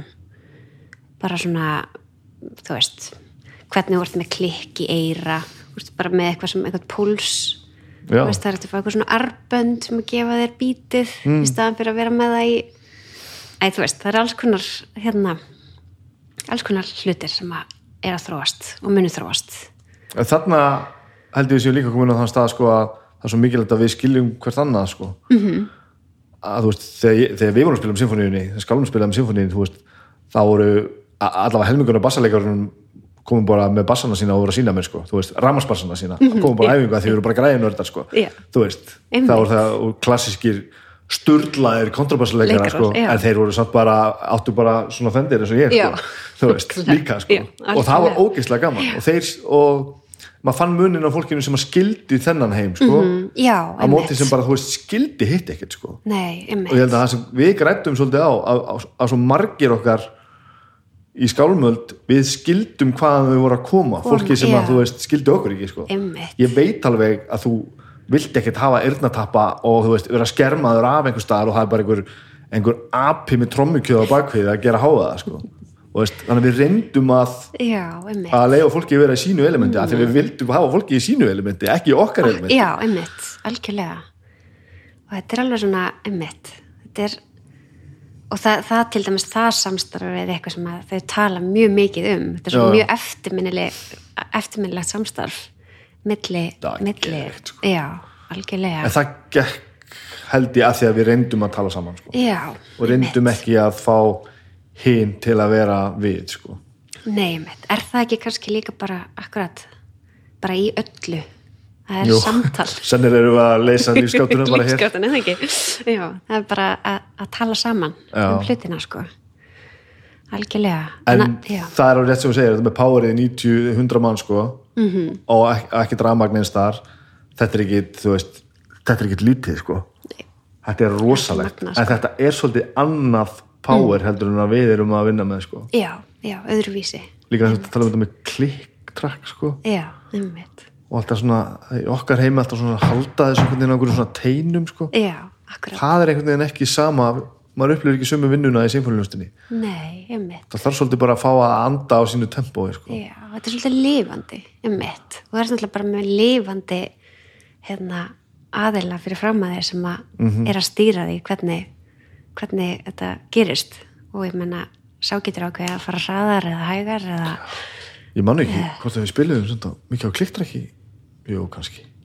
Við gerum það ekki live sko, nei, aldrei einmitt, einmitt. Getum hafa verið finnst þess að vera frekar skyttið að eru á klikktrakki ég er bara efast það.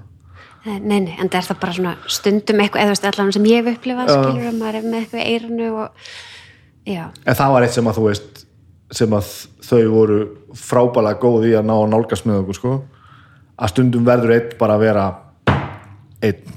Stundum verður við bara að gera bang, og þá þarf það bara að vera þegar að stjórnandinn gerir svona, Já. ekki hálfri sekundu senna, Nei. bara nú þarf að klára þetta núna, já, já, já. Og það voru sem sem bara svona, þurftu að anda því að sér sko. Já, en þetta er náttúrulega líka bara, þú veist, ægin í kringum svona starf í svona hljómsveit, Mhm. það er gigantískur, sko. já, Þess að þetta er alveg bara, þú veist, þetta er bara sestur í sæti fimm minúti fyrr, stilt tvær minútur í og svo bara kyrt á æfinguna á slæginu. Hún er líka búin á slæginu. Þetta er svona, þetta er svona, hérna, þetta er mjög, uh, já, bara svona frekar formfast og rammað inn skiplæð samt ertu að gera búið til þú veist, list og eitthvað kreatíft sko. já, það, var búið að, sko. það var búið að ég ætlum ekki að segja margu við, það var einmitt búið að segja okkur hvernig þessi vinnubröð væri sko. mm. fyrst alveg erum við svona frekar agaðar þegar við vinnum sjálfur sko. Já, það er komið mjög vel undirbúin og svona en þetta með tíman sko bara svona, að því mínum heim er þetta bara já, ekki renni sem svona en að fara svo í mat bara, nei, nei, nei lægi er fjóra myndur og það er tvær myndur í mat. Við erum ekki að fara að renna þessu lægi sko. og bara, ok, ok. Það var mjög áhugavert. Er, og sem er líka held ég svolítið ólíkt sko, allavega þú veist ekki það ég hef eitthvað unni mikið í leikúsi en þú veist, samt svona því sem maður hefur unnið í samstarfi með dæmis leikurum, veist, það er svolítið annar taktur þar. Já, og kannski er það sko veist, ég hef stundu verið að hugsa hvers vegna það er en þú veist auðvitað þó svo að hérna, þeir eiga að læra línutnar sínar áður en þeir mæta að þá er, þá er svona kannski meðgöngu ferli til þeim svo síningu er miklu lengra. Veist, og gerast meira á sviðinu. Veist, það verður örugglega verið að móta karakterina og alls konar meira. Þó að það gerist að mörguleiti líka í symfóníuljómsveit þú veist, á æfingum en þá samt er þetta þú veist, þú átt bara að mæta á mánudegi átt að kunna þetta 100% -hmm. og svo er unni með það fram á 50 dag og það verður tónleikar og svo bara, þetta er svo brútal sko. Svo byrja bara næsta þú veist, bara næsta vik og eftir og það var bara eitthvað allt annað og annar að stjórna og veist, þetta er svo svona, já, þetta er, þetta er alveg hardcore sko. Þetta Já, er rosalega hardcore.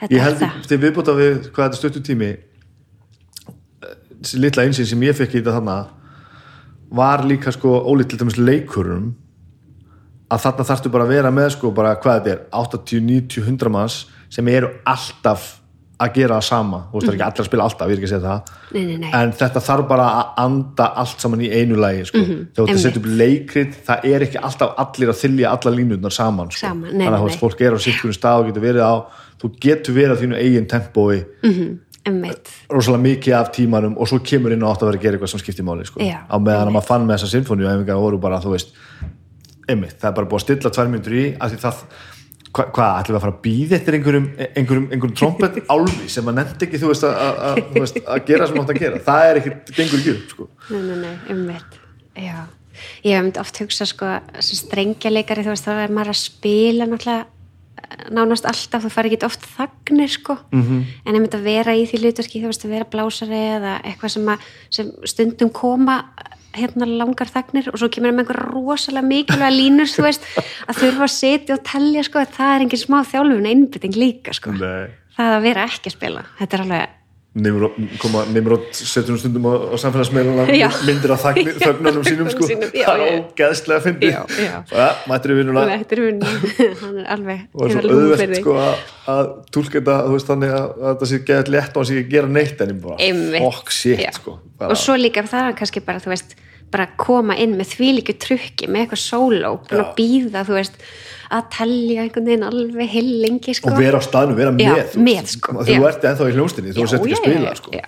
þetta er alveg, alveg magnað en hérna, já og, og svona forréttindi að fá tækifæri til að vera að að, hérna, að vinna með þessu fólki sko. það er alveg ótrúlega ótrúlega magnað talentin þannig og náttúrulega ekki bara talentin, heldur líka bara vinnustundina sem búið að setja í Mhm. mm -hmm. Einn stærsta tónlistar upplifin sem ég átt var þegar við mættum fyrst þegar við vorum að spila Skalmöndasinfó mættum að fyrstu æfinguna mm. og þetta var náttúrulega allt út um allt sko. það voru allir skítrætti við þetta og Mhm. við sem ekki hvernig er því allir jákvæðir og við geðveitt vel undirbúinir Gunni Ben búin að skrifa fyrir eitthvað svona cheat sheet sko, þannig að er einhver sagði, já, fara hérna frá takti 31 þá varum við bara með sheet bara 31 Já, það er hálf brúin fyrir annað viðlag, þú veist, þetta var í alveg svona, Þannig, að við varum alltaf klárið, sko, Já, ógæðslega sjóðaði, sko, wow. en þetta byrjaði, sko, Mhm. og náttúrulega hávaði á að vera stilla og þú veist, það var að vera að setja upp ykkur að skerma og það var bara að vera búið allt til og þetta var Mhm. náttúrulega bara út og suður og bara, þú veist, mikið stress og, og þú veist, og ógeðslega gaman og við veist, tókum ykkur stöðu og byrjuðum að spila og við bara,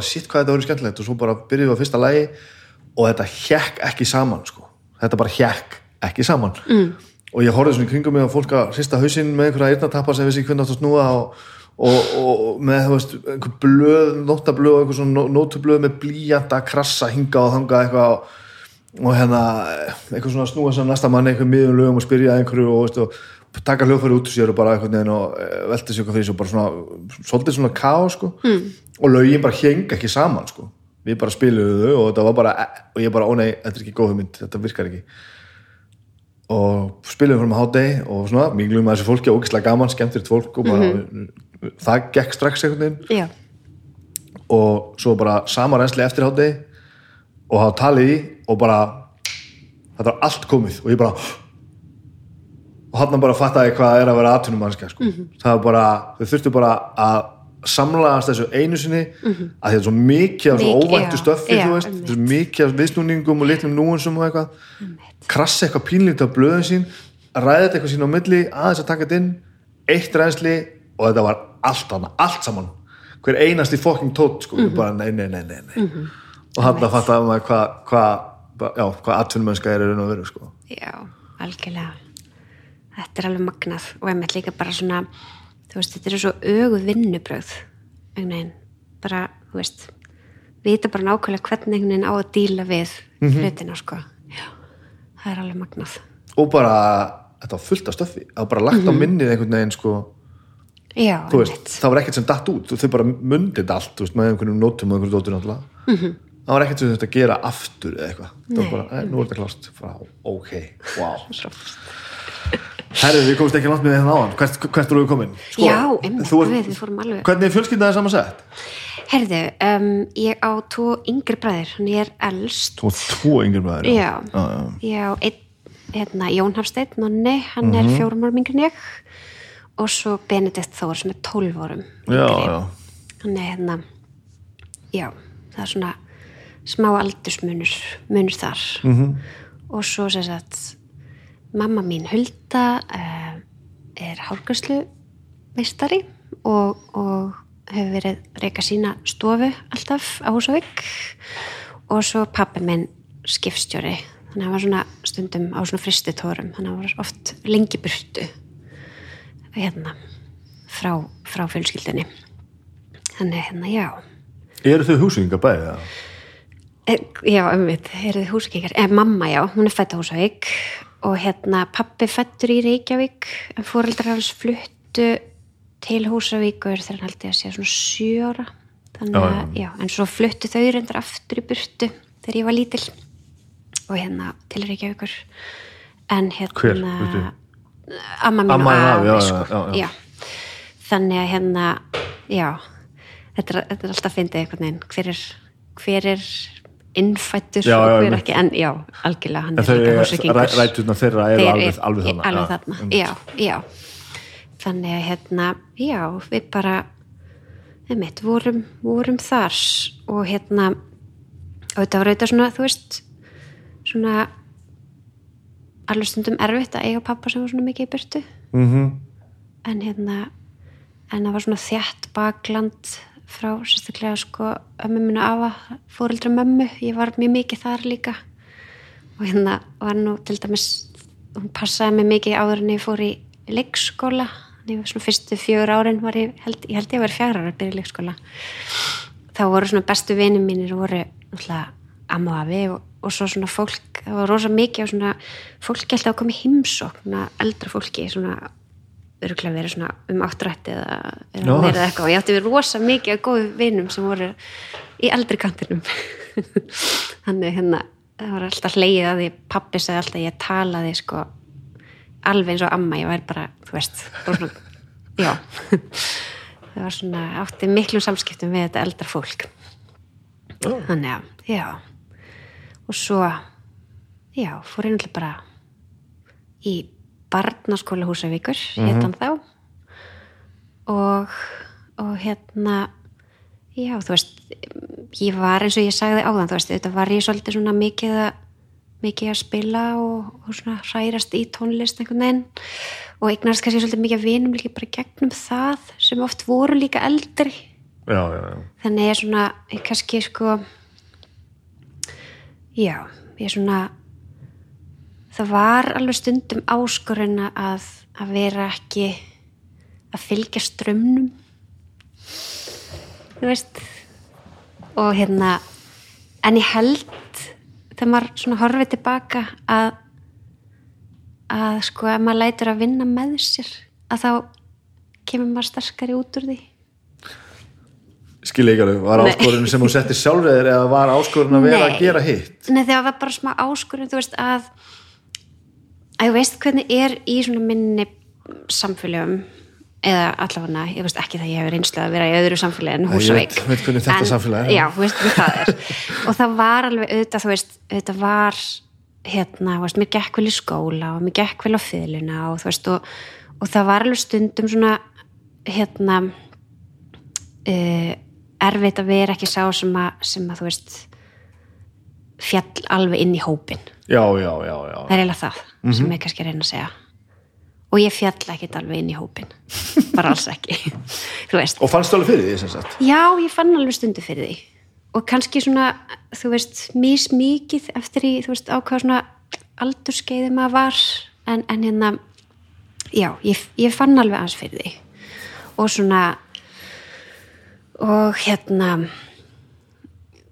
maður þurfti bara að vera svolítið svona þú veist, hvað segja bara standa á sínu að gera bara það sem maður vildi sjálfur og hérna og fylgja hjartanu en ekki einhvern veginn að, að láta hópþrýsting eða, einhvern veginn svona leiðamann einhverja aðra ráttir þannig að hérna, já. Langaði samt svona annan fótinn að vera í hópnum en samt Já, kannski stundum. Fyrir að hendaði mér. Nei, veist bara hérna, já og, og þú veist og ég var náttúrulega svona var hérna já, einmitt bara þú veist að svolítið mikið að sinna mínu og þá kannski var maður ekki einhvern veginn að mikið einhvern veginn að hanga með krökkunum úr, úr bekknum eða eitthvað svo leis Var þetta Þannig að- árangursdrifið? Þú veist, varstu strax farin að hugsa um að fara að ná einhverjum árangri? Þegar ég held ég Já. hefði bara frekar vilja fara út að leika mér með, með krökkunum heldur en að æfa mig sko. Já, ég var strax mjög árangstrifin, Já. held ég. Já. Og ég, þú veist, maður var alltaf að keppast við að læra næsta lag, sko. Veistu að, hver hvaðtinn var? Þú veist, varstu að læra öll lögin? Læra öll legin. Um, nei, ég held að hvaðin var alveg bara, mér fannst það svo skemmtilegt. Já. Og, og hérna, og ég var líka rosalega heppin að, að hérna mamma var mjög duglega að fara með mig, þú veist, kannski hinga til Reykjavíkur eða eitthvað hérna á námskeið, þú veist, á fyrirlið þar sem ég hitti aðra krakka sem voru, þú veist, að hérna læra á svipum stað og ég og, og hérna og þá einhvern veginn var það líka kvati til að halda áfram og læra meira og verða betri og, og hérna og ég er náttúrulega líka þú veist fer síðan sko fljótlega líka að læra sko inn á Akureyri þú veist fyrir tónlistskólinu á Akureyri. Og við erum all, núna erum við alltaf að tala um fiðluna.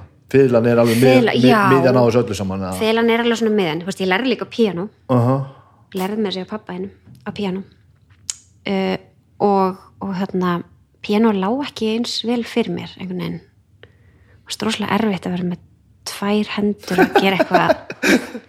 Og mér finnst það ennþá Já, í dag. er, já.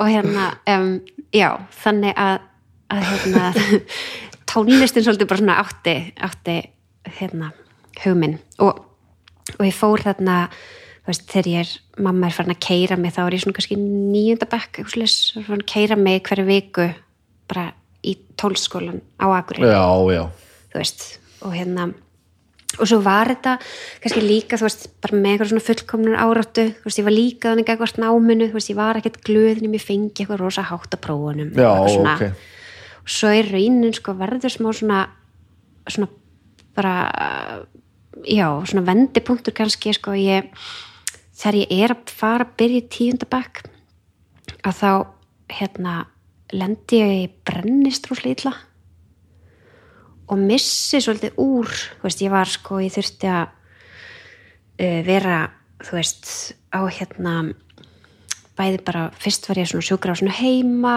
og svo endar með ég er, fer og er á landsbítalanum í einhverjar, ég man ekki alveg hvað þetta var langu tími, en alveg svolítið stórpartu, þú veist, þurfti ég að liggja alveg kjur, mátti ekki hreyfa mig af því að það þurfti að græða uh, aðra húð yfir, yfir örin, sko. Hvað kom fyrir? ég var að vinna í bakari hjá frenda mínum að steikja kleinur eða eitthvað svo les þannig að það er svona eins og stundum í kringum mig var eitthvað smá svona brussugangur og það var eitthvað búið að sillast smá svona ólja og potturinn rennur svona til og fekk þess að 200 gráðu feiti yfir læran á mér og hérna Manst þetta allt eða? Já, svona mestu leiti sko, það er svona eitthvað smá svona blackout þannig er þetta gerist. Hversu vond er þetta? Þetta var mjög vond sko. en, en þetta var samt, þú veist, af því að þegar maður fær þriðjastegsbruna þá brenna líka sko eitthvað taugar. Já, ekki að ég þekki þetta alveg svona geta útskýrt það en þannig að maður finnur kannski ekki eins fyrir því. En hérna já, þetta var alveg rosalegt sko. Já, og hérna og líka, þú veist, gerist þú veist, ég er, hvað var ég, ég var 15 ára þegar þetta gerist. Já, rosa svona viðkvæmur aldur og ég náttúrulega var alveg mörg ári í einhvern bara svona políunu leik með þetta sko. Veist, en, en þetta, þetta var erfitt sko. Já, einhvern veginn að fá við erum alltaf inn bara komið einhver að mér fannst hræðileg ör á fæturna. Þú veist, ég átti mjög erfitt með að fara sund lengi og, og svona. En það sem ég ætlaði nú ekki, ekki að fara einhvern veginn vorkinn með með þetta, en það sem ég ætlaði að segja var að þarna, þú veist þetta gerist og þetta breytti svolítið svona mikið bara hvernig ég hugsaði veist, ég varð ekki svona rosalega hörð á sjálfa mig. Eða veist, ég held ég að átta mig á bara þessu margt sem skipti máli. -hmm. ekki bara að ég fái hérna eitthvað tíu á einhver prófi. nýju fimmar lámarki já, í einhver prófi, heldur meira veist, þannig að sko tíundi bekkurinn var að mörgu leiti svona einn af svona bestu bekkjunum mínum í skólanum Veist, ég, fekk, ég fann rosa stuðning frá skólafélagunum þegar ég er gangið gegnum þetta og svona uh, hérna já og varð kannski einhvern veginn svo slakari með bara þú veist að, að hérna, mér að njóta þess að vera til. Og ég held að það hafi svona það kendi mér mjög margt sko. Það er svona já þú veist, ég hafði alveg náðan tíma til að hugsa þannig að þegar ég lág kjurri svakast að mikið hreyfa sig ekki hreyfa mig. Já, hann er hérna en þetta er svona, já svona mót, mótandi áhrif sko. Mm og veistu ykkur hvaðan þessi hvað, hvað orðin áttar á hann? Þráhingja mm. þannig að það hefur dreifið áfram kvíða og þrá ekki já. þú veist kannski þetta er svolítið svona Já, það samt. aukið hjá mér en, og svo þessi fullkomnarar, þú veist þurfa alltaf einhvern veginn að vera já, veist, já, gera allt einhvern veginn alveg að enda og, Já. getur eitthvað, áttur eitthvað aðeins hvað, hvað það kemur einhver nei utankondi pressa á þér eða eitthvað svona þess nei, það var það ekki ég held þetta, veist, og, og oft er þetta kannski að maður býr sjálfur svolítið til svona pressu á sig Mhm. Og, og náttúrulega bara þú veist þess að við tala um samskipti og samtöl millir fólks þú veist, rosalega oft held ég að maður búi bara til sjálfur í huganum að einhver vilji að maður sé að Já. gera eitthvað svona og svo fyrir maður veginn að ræða það og þá er það ekki þannig Þú veist, það er bara eitthvað ég hugsa að þú hugsir Já. að ég eigi að gera þetta en ef ég myndi bara spyrja þig þá verður það bara nei, nei, nei, Nei. ég og maður gerir þetta oft á dag sko. Já, maður já, gerir maður þetta þetta. Mm. einhverju einasta samtali sem maður tekur það er alltaf Já. að gera ráð fyrir einhverju sem að var hefur eitthvað fórsetum til þess að, að ætla að einhvern Nei, veginn sko. algjörlega og, og hérna þannig að þú veist, og það var í rauninni frekar stundum þannig að fóreldrar mínu voru bara svona, þú veist, já, ég menna þú veist, viltu nú ekki aðeins slaka hérna þarfst að læra alveg svona mikið eða, þú veist, frekar að draga úr einhverju heldur en hitt, held ég, sko allavega, þú veist manni alveg eftir svona augnablíkum þar sem ég var að fara eitthvað og alveg á taugin yfir einhverjum prófum og þau voru bara, heyrðu, slaka á, sko. Og hérna, já, þannig að hérna en ég held líka bara, þú veist krakkar eru oft svona þú veist, ég var til dæmis með svona, þú veist slökk og kveikja ég veist alltaf að gera þetta einhvern veginn. OCD stemning einhver pínu kannski, örlítið þú veist, og, og ég man hann hérna, eitt sem ég gerði alltaf í kisti þegar ég var að bjóða góða nótt. Fjölskyldinu svona, kisti alltaf alltaf í aldursröð. Og mér varst rosalega óþægilegt ég gæti ekki gert það einhvern veginn. Þetta er einhvern veginn, þú veist, einhver svona skrýtnir hlutir sem var svo bara auðvitað, þú veist, eldast af manni. En það var margt svona þessu tengt einhvern veginn.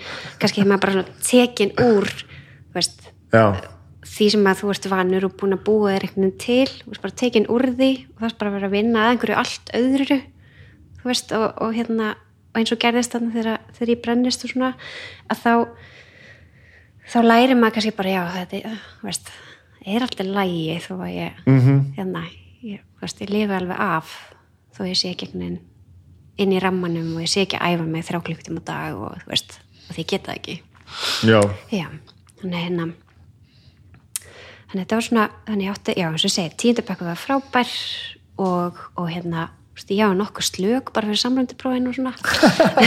Sem ég hefði örgulega ekki verið þetta hefði ekki verið hérna, já, ekki átt sér stað. Og svo, svo fór ég MA og var þar í hérna, þrjú ár. Mm. -hmm.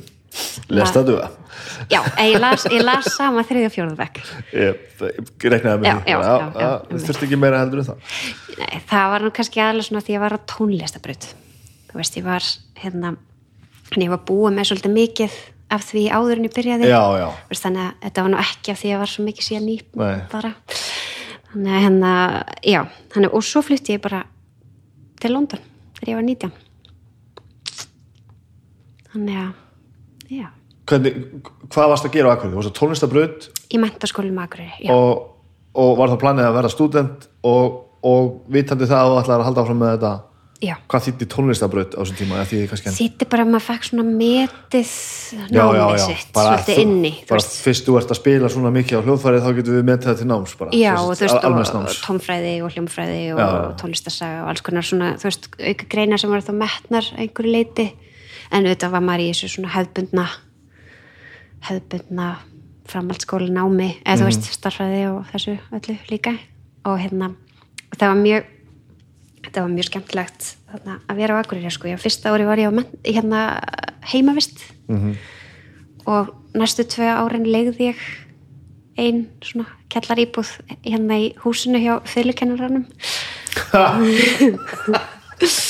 er nú allt já, það var mjög hérna, það var í mann sko hérna, einhvern tíma var ég að æfa með kvöldi og, og svo klíðan sjö um morgunin þá bara bankað og ég eitthvað kem fram á náttutunum og bara, Lára það er es þarna í takti 52, þú spilar alltaf e og ég bara, ó vá, heyrist mikið upp. Já, það var bara það var bara að vera að fylgjast með sko. þannig að hún veist alveg, alveg hversu duglega ég var að æfa mig eða ef ég æfa mig vittlust já, þetta var mjög ég, ég held að það var að skrifa bíómyndum sálræna kvilla sem þetta myndi valda sko, bara, einmitt, en þau voru dásaleg sko og einmitt, píanu, maðurinn hennar var píanukennarinn minn og þannig að þetta var alveg já. Varstu með plan hann að fara út? Vissur þú allar að gera það? já, ég var búin að ákveða að ég ætlaði að fara til útlanda, ég var samt ekki búin að ákveða hvert og, og þarna var svolítið, þú veist það var kannski svona aftur kemur, þú veist hvað maður er heppin einhvern veginn með bara internetið, að þú veist þarna var ekkert svona, veist, jú það var kannski komnar einhverja svona vefsýður hjá einhverjum skólum, tónlistarháskólum en þú veist, en ég man alveg eftir ég fekk alveg bunkum sko senda bæklinga heim til þess að skoða og lesa og, og þú veist bæklingarnir frá Fraklandi voru á frönsku og Já. þú veist, þetta var alveg, þetta var ekkert svona þannig sé, það var mjög, hérna svona alþjóðlegt allt saman en já, þannig ég uh, ákveð síðan bara, já, fara fara til London. Og ég hef aldrei komið til London. Hvernig valdur þú úr skóðum? sko ég byr, ég, ég rauninni ákvað fyrst að fara og vera bara í engatímum fyrsta árið sem erði og var komin í samband við kennara út í London sem var að kenna við Guildhall School of Music.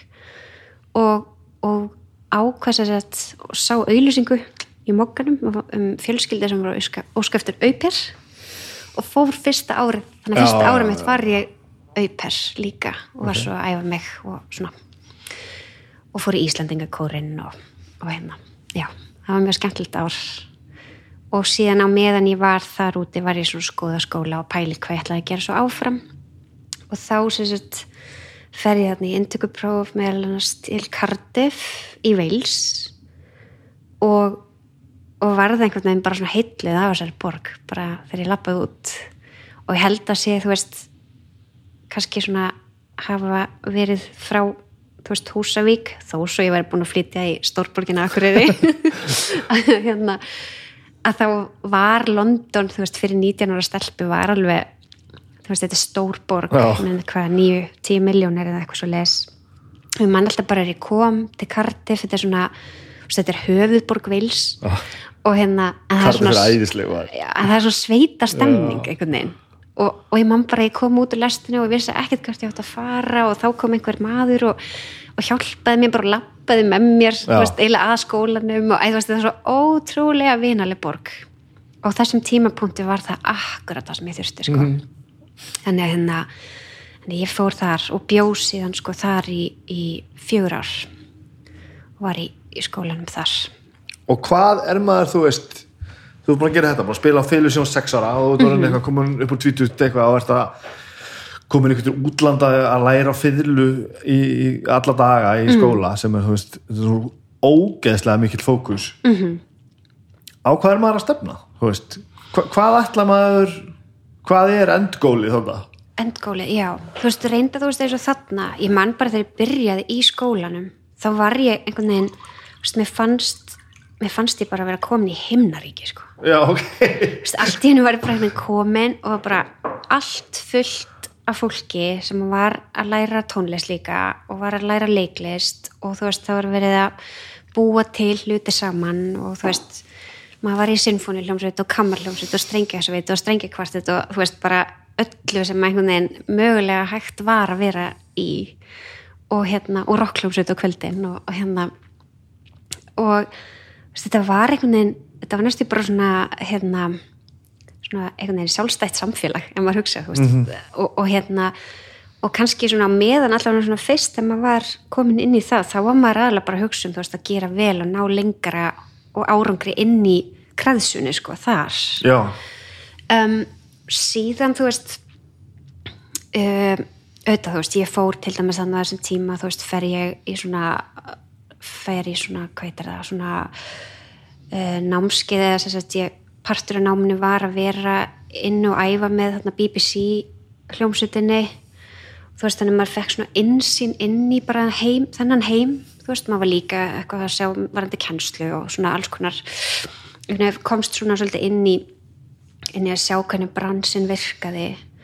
Og ég man þú veist að það er svona ákveðin tímpúnti sem ég vissi alveg ég var ekki ég var ekki að stefna að því að fara að vera endilega hljóðfara leikari í sinfóniljómsveit ekki það veist, mér, það er alveg mjög heillandi að mjög mörgu leiti en ég einhvern veginn bakgrunnur minn er þannig að þú veist að, að hérna ég ætlaði mér alltaf líka eitthvað, eitthvað svona meiri blöndu og meiri svona þú veist, meiri allskonar það var það sem að ég einmitt sko, var, var svolítið skilsett sem að ég áttaði mikið alveg á mm.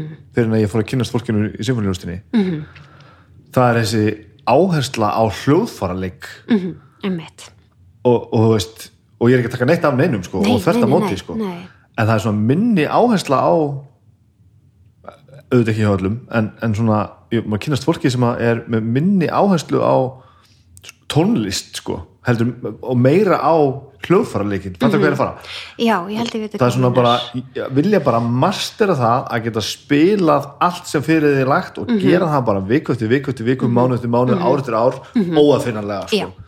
á meðan að ég, þú veist, ég hef aldrei haft snefil af metnað fyrir að vera góður hljóðfæri mín sko.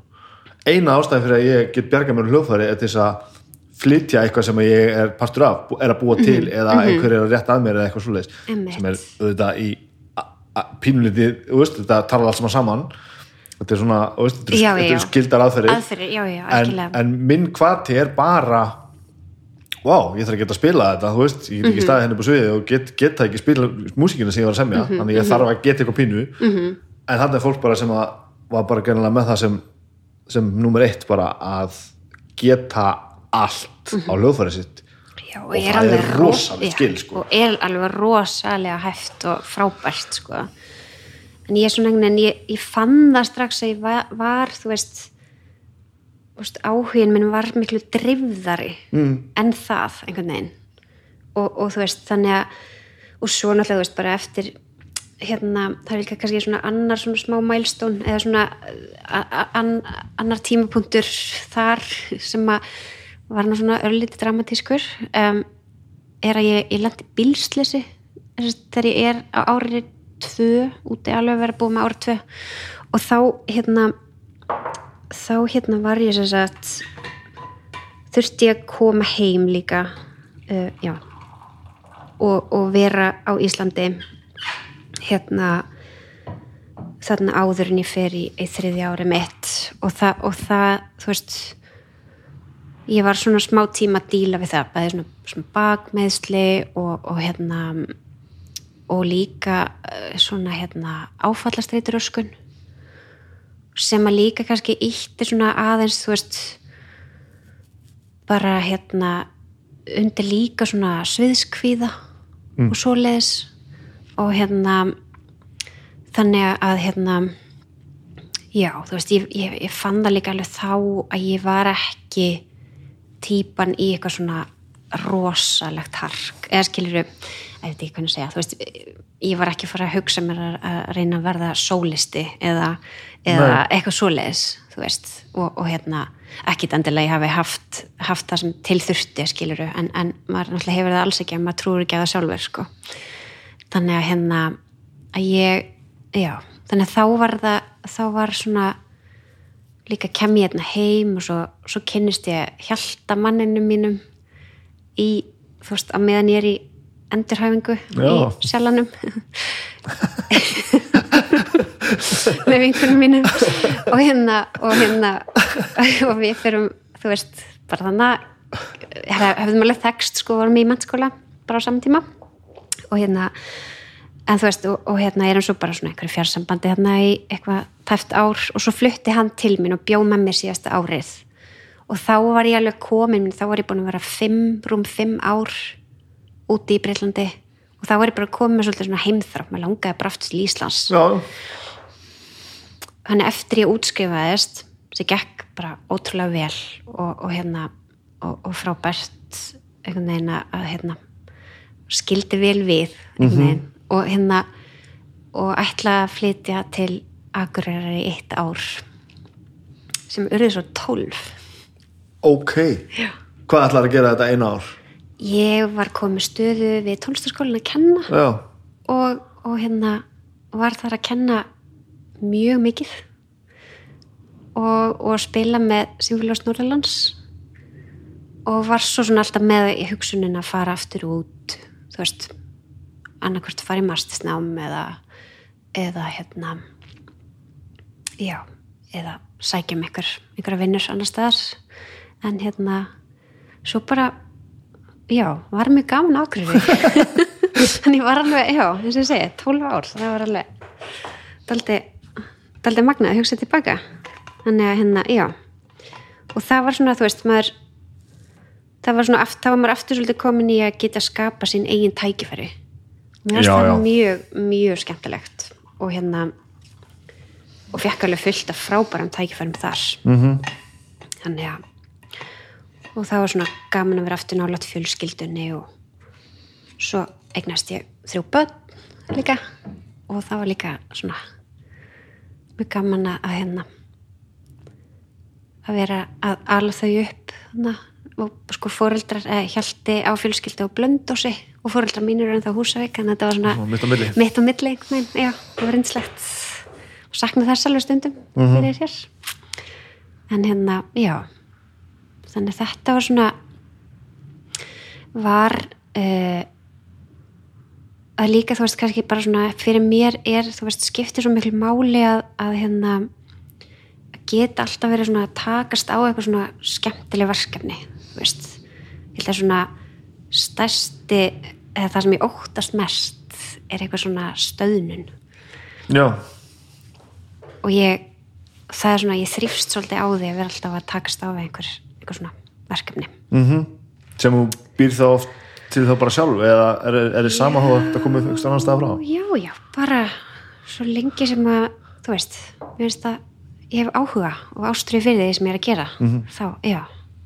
Þannig hérna og það var alveg þannig í, í þú veist, bæðið þegar ég var að vinna í tónlistaskólanum og þá en þú veist, bara svona starfsþróun þannig ég fekk alltaf svona meira og meira krefjandi verkefni og, og svona alltaf var hofa að opna á þessum tíma. Já, það var alveg magnað að fá að vera með því og hérna þannig að og ég var svona mikið involverið í það þegar hérna bæði húsi var að opna og svo svona og einmitt þegar þið komu nú eftirminnilega Já. og spiliði tónleika í skálmöld og hérna já, þannig þú veist það var, það var mjög gaman og svo þú veist, tók ég líka hans þátt í þessari vinnu þegar var verið að svo samina sko hérna leikfélagið og symfóníuna og, og hérna og menningarhúsið í svona eitt, eitt félag hvernig gekk það? hvernig var, hvernig var hann á nýra á gólfinu að, að gera þetta? Já, þú veist, það var mjög gaman að vera í hugmyndavinninni, sko og hérna, og bara áhugavert ég held svo sem að það hafi kannski ekki allt verið notað það sem við að verið tekið smá annar vingil á það, sko. En, en síðan, þú veist, að þegar þetta saminast þá ákvað ég bara stíga alveg út já, já, og hérna, og einbytta mér bara því að vera fyrirleikari og tónlistakona og hérna, og gerði það alveg hérna, frá hvað, þetta er 2000 og þetta er einhver svona þrjú, fjögur ár sem ég er síðan bara, bara frílans og spila hingað og þangað og ekkert að kenna? Nánast ekkert, Svona- ég var að kenna hann með Magna í hérna, skólanum hans, það var æðislegt indislegt var með svona, já, það var allt svona verkefna tengt í rauninni sem ég gerði þá. Og þá var ég var mjög lánsum að, þú veist fekk listamanna laun og, og, og var útnefnd bæjilistamæður akurirar þannig að maður fæði svona sveigurum til að vera svolítið að, að prófa sig áfram og, og gera plötur og, og svona sinna samfélaginu einhvern veginn eins og, eins og skipti máli. Uh og svo þegar fa- já, og þá var líka á þessum tíma sko, e, og, og sem ennþá e, mikið verið að gerast hjá, hjá Sinfóliást Norðurlands mikið af þessum upptökuverkefnum. Og ég var svona að taka þátt í því. Húsbandina stórvallar og hérna og ég hérna var, já, þannig ég var svolítið hérna náttúrulega involverið í það og, og svo bara þarna haustið 2018 er ekki 2018, 2017 kannski? Jú, 2017 að þá hugsa ég bara já, og segi við held að, heyrðu, held að ég hef ekki bara flytið til útlanda með krakkana og fara bara, nú lengum við bara að fara í nám bara fyrir að gera með eitthvað annað. Og fór svona að skoða. -hmm. Og hérna og hann það bara, já, já, til það bara. Já, já, þetta. Og hérna og ekki kannski alveg svo lesa einfalt Já, ekki alskar, nei, ég náði náðulega samferðan sko. og hérna allavega að fyrir að leita þú veist að skoða alls konar skóla og, og nám og svolítið horfði til Barcelona og svona MBA nám þar sem ég var spennt fyrir.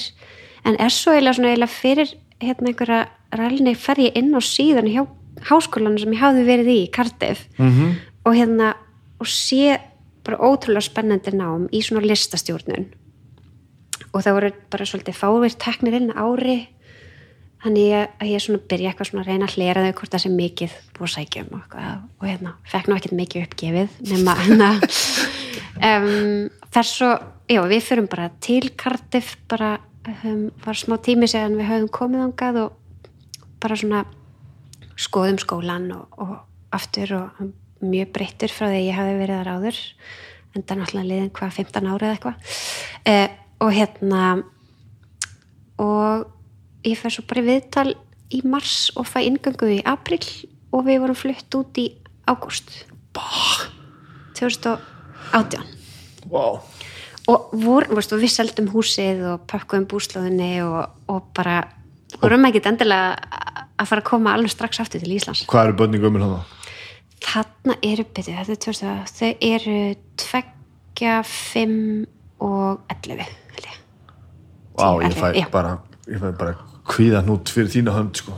veistu, þetta var æðislegt og, og hérna auðvitað var þetta alveg svona áskorinn fyrir alla í fjölskyldinni en hérna fluttum í svona lítinn bæ sem er svona svo útkvarfi Cardiff heitir Penarth og bara í svona ótrúlega krútlegt raðhús, mjótt raðhús brest einhvern veginn með meira sér útsýn út að sjó.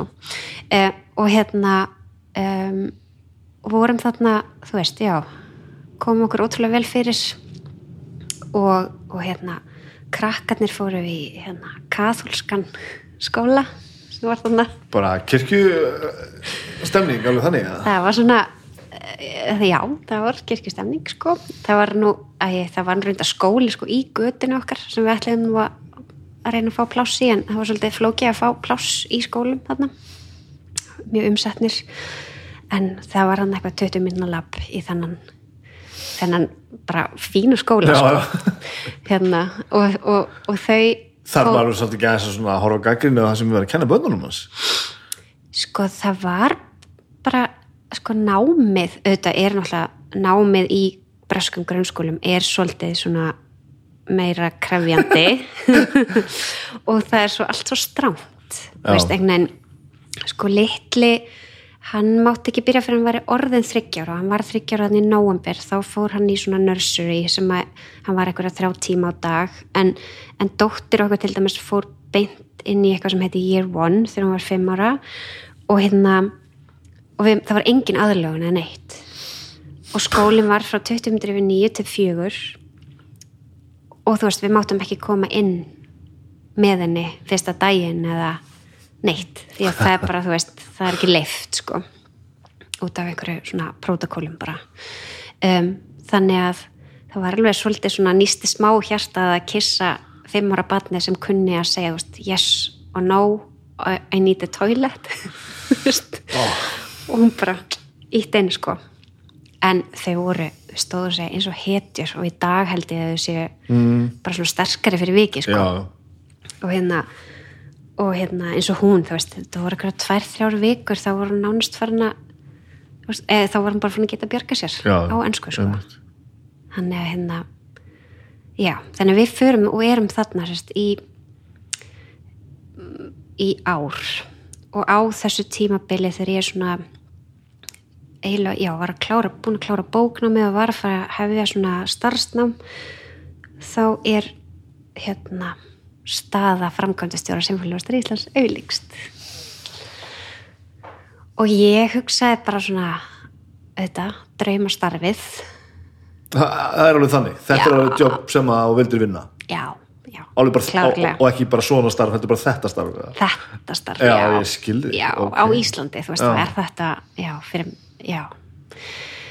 Og ég hugsa bara eitthvað svona já, ég ætla að hérna ég ætla að senda inn umsókn. Þú veist líka bara af því að nú er ég komin í þetta þú veist, nú var ég einhvern veginn búin að elda þennan draum að fara að færa mig meira yfir einhverju svona stjórnun og, og hérna innan menningarstofnana eða listastofnana og svona ákveða að senda þarna bara inn umsókn líka til þess að bara svona segja þú veist, mm ég er hér. Ég er hér þetta langar mig að gera, þú veist, ef einhver myndi sjá nafnum mitt og muna eftir því þannig klingtum að segna og hérna, þannig ég gerði það og, og hérna auðvitað vandaði mér mikið að, að sækja um og, og svo bara byrja svona um svona, eða svona hérna við, við tölu og svona ferli þarna eitthvað.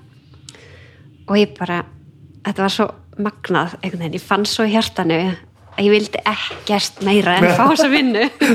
Og, hérna, og, ég, og ég held að veist, það er líka bara það sem einhvern veginn skilaði því svo. Já, og hérna og, og hérna þannig að já, þannig ég er síðan áfram úti eftir að er tilkynnt um ég fái stöðuna og, og vann þá með hérna BBC hljómsveitin í Cardiff í þrjá mánuði sem var náttúrulega bara alveg ótrúlega dýrmættur tími sem ég fekk ge- gera þá, var ég bara svona þú veist, já, ég var í rauninni bara að vinna með teiminu þar, bara framkvæmda teiminu og fekk bara smá svona insýn í að vera að reyka symfóníuljónsett já, þú varst í, það, í þannig jobbi já, já, já, já, já. bara þú veist, þetta var partur samt af náminu mínu, en hérna, já. Þannig ég fer bara þarna og, og, og hérna og þau vita í rauninni að ég sé svo að fara aftur til Íslands í þetta jobb, Ok. Þannig ég fekk alveg það var bara svona fullkomin kursi hvernig á að reyka symfóníuljónsett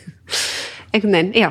Að, og hvernig ámar að reyka symfóni já, það er spurning þetta er sko. svona, þetta er svona, þetta er svona þessum störfum þar sem maður horfir á þetta og bara ég veit ekkert Hmm. þetta er svona fullkomlega áskrifað einhvern veginn Já, og þetta er náttúrulega búið að vera það eiginlega nánast frá því að ég byrjaði þú veist að ég byrja hausti Já. 2019 og það er mikið hleyið að því sko þegar það var mjög svona hérna, mikið að gerast þetta haust, það var sko tónleikaferð til Þýskalands og Austríkis í november og svo er stór tónleikaferð um Bretland í februar og svo voru verið að halda upp á afmæli hljómsveiturinnar 70 ára afmæli hann í mars byrjum mars og í einhverju ræðu eftir Breitlandstúrin standi ég eitthvað upp og eitthvað þakka fyrir ferðina og, og segi já, nú hlakki ég ótrúlega mikið til að komast aftur hinn til Íslands halda ammælistónlingarna og svo mun ég loksins kynnast því hvernig sé að vinna ykkur öllum í svona hefðbundnu ári já. Og þú hefur aldrei gert það? Nei, Vá. svo bara kemur mars og við vitum all hvernig, hvernig það var. Henni já, en, en hérna en þetta er þetta er yndislegt starf og, og þetta er svo frábært fólk samstagsfólk, þú veist og, og hérna og, og svona þú veist, við náttúrulega fáum til starfa með okkur, þú veist algjörlega frábæra listamenn hverju viku, bæði náttúrulega innlenda og erlenda og, og hérna já, þannig að þetta er alveg svona þetta er algjörlega draumastarfið þú veist, bara eins og ég held og eins og ég hafði séð fyrir mér sko, en, en hérna það er alveg líka krefjandi. En, en hérna en það er líka það sem ég vil takast Já. á við krefjandi hluti.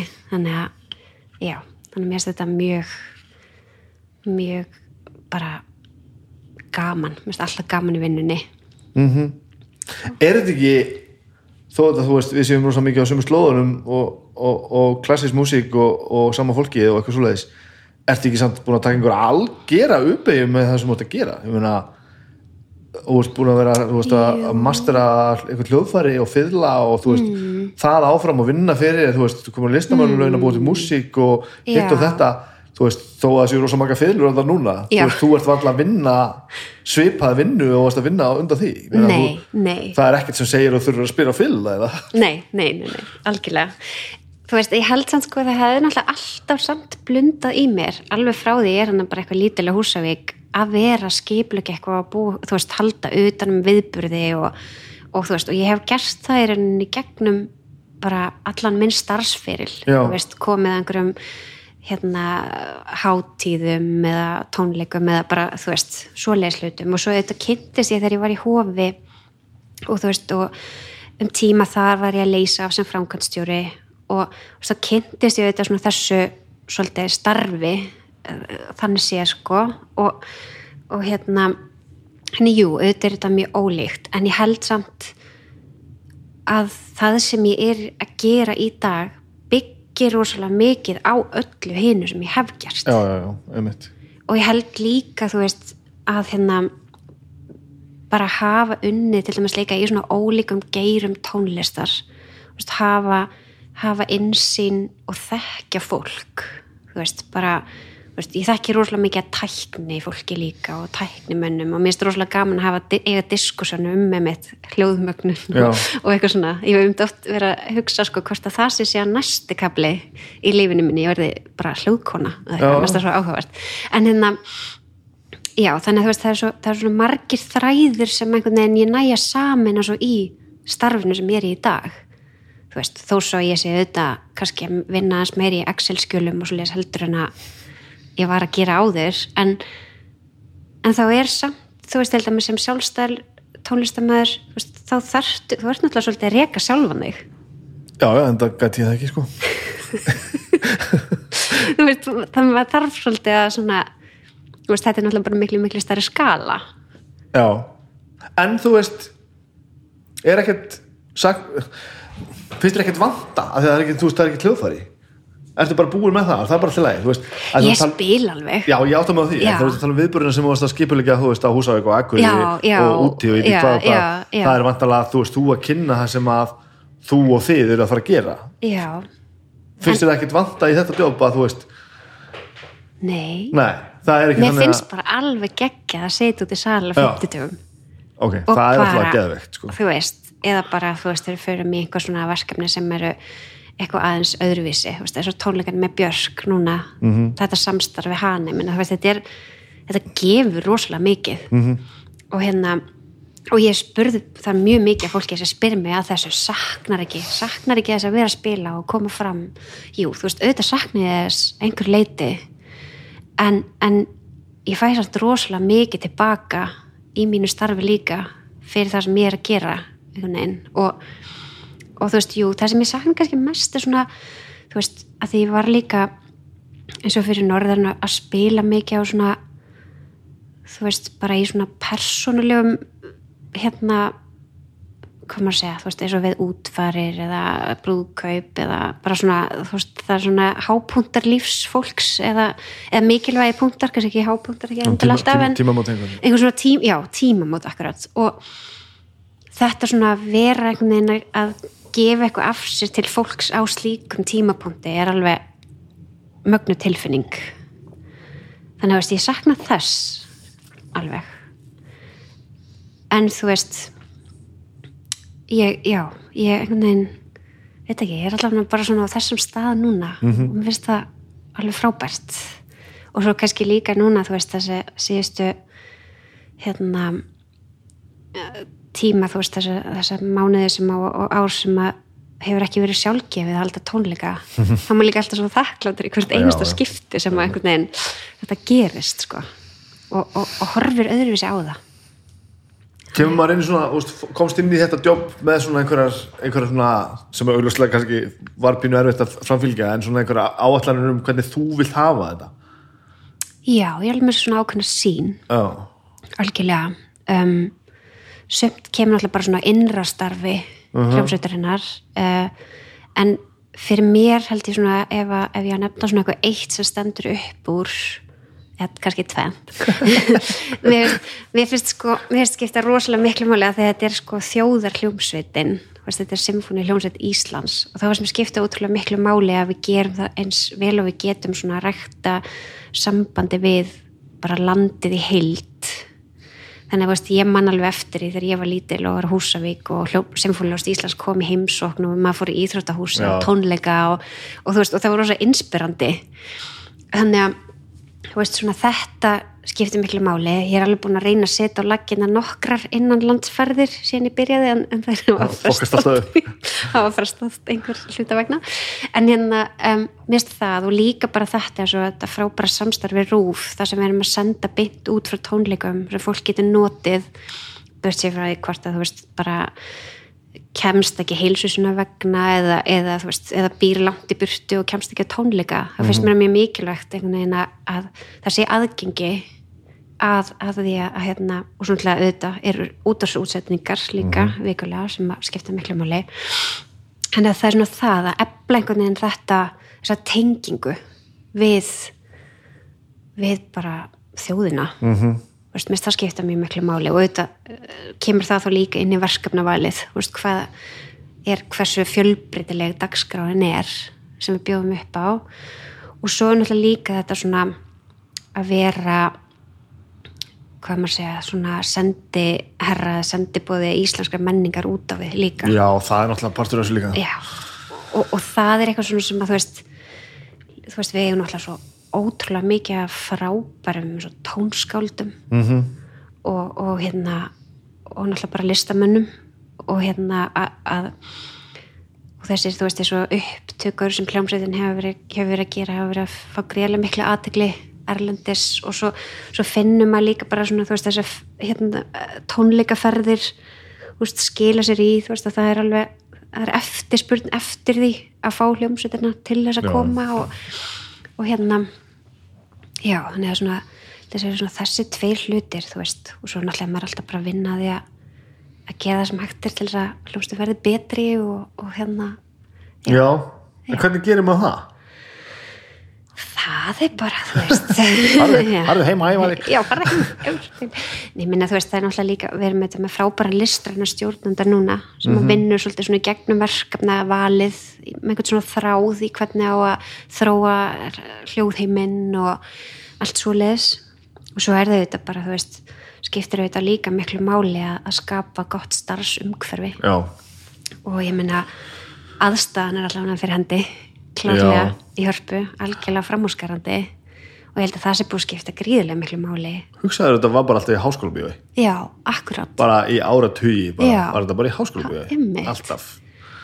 Og, og hérna, þó ég heyri stundum sko, fólk saknar alveg svona það var náttúrulega ákveðin stemning Já, það sjálfsögðu, líka í, í, hérna, en hérna, en þetta er náttúrulega dásalegt að vera í, í hörpu og, og hérna já, bara, þú veist eldborgarsalurinn náttúrulega, hann er svo sturlaður sko. hann er svo ógeðslega flottur. Og svo, þú veist, og bara endalur sem möguleikar í að stilla hann og uh, þú veist, við erum mörgleiki sko, ég veit ekki, þú veist hversu lítil prósent að er búið að prófa þú veist, það eru, það eru endalur sem möguleikar. Er það svoleiðis? já, já, Já, ok.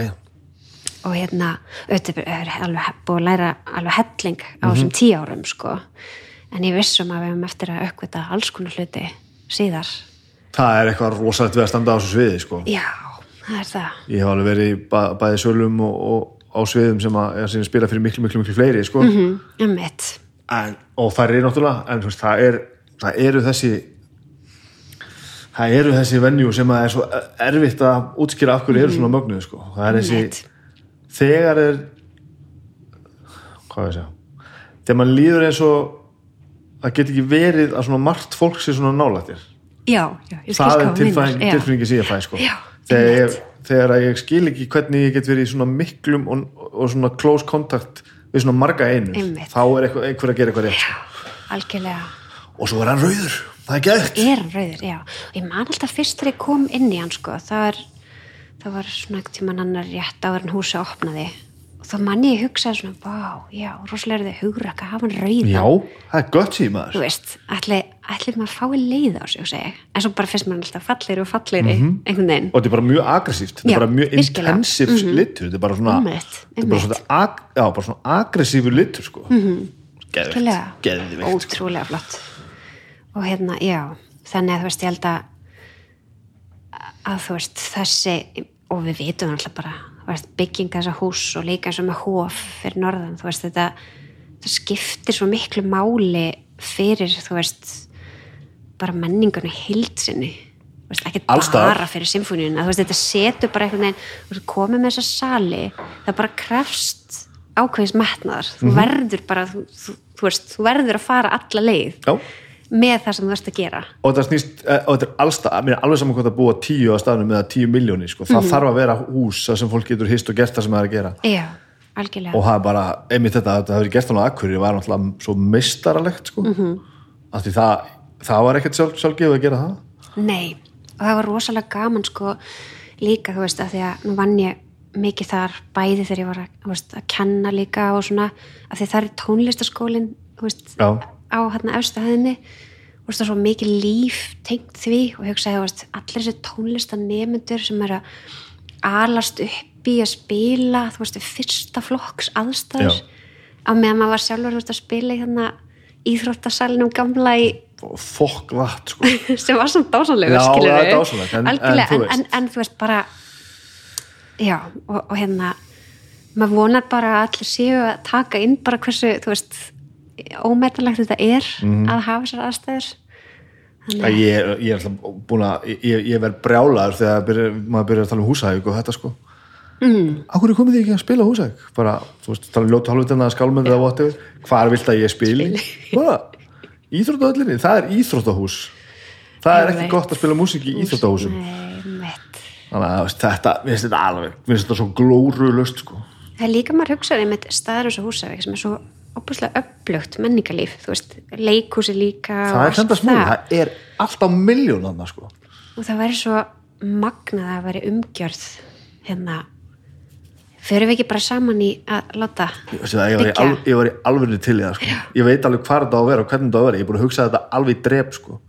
við þurfum bara eitt sal Mhm. sem, sem getur hýst alla tónleikana alla nefndatónleika, alla kórafingar Mhm. Einmitt. gömlu dansabölin og allt saman sko.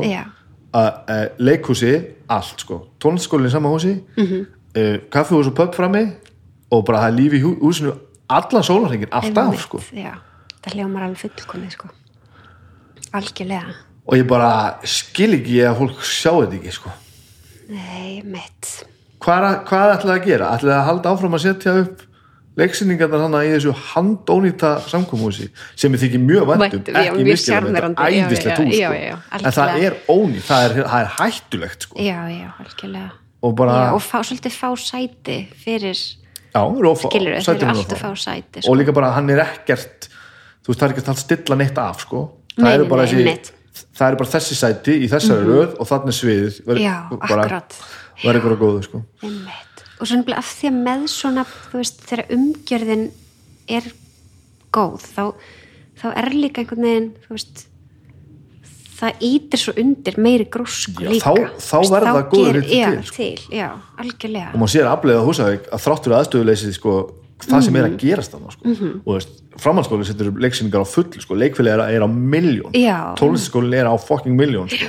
ég, veit, veist, ég hugsa að gamla fólki sé þá að dansa einhvers staðar Já, það sem það já, fyrir já, sko. allt þetta kórastarf Já, frábært- nákvæmlega, allt þetta. kórar og, já, getur ímyndaður að þetta væri allt í sama pittinum hann, Já, allir að einmitt. umgangast alla Já, hvað allir myndi gerast og þú ert í einhverju pínulítill í bílskursljónsett sem vantar að spila að einhverju sviði. Þú fór, gjör svo, kondu, Já. spila þarna. Spilaðu hér. Þa, þá Já. stofnar þú hljómsett og gefur út músík og fer að gera eitthvað að viti sko. Í staðan fyrir að hýrast inn í einhverju, einhverju beituskúr og, og þú veist, fá nei að því að þeir langar til þess að spila einhverjum á einhverjum tónleikum.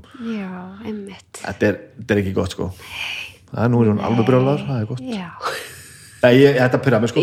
Sérstaklega- já, þú veist við, maður þarf náttúrulega að láta í sig heyra með að, hérna stuðla að því að, að það sé eitthvað gert í, Mhm. í þessu.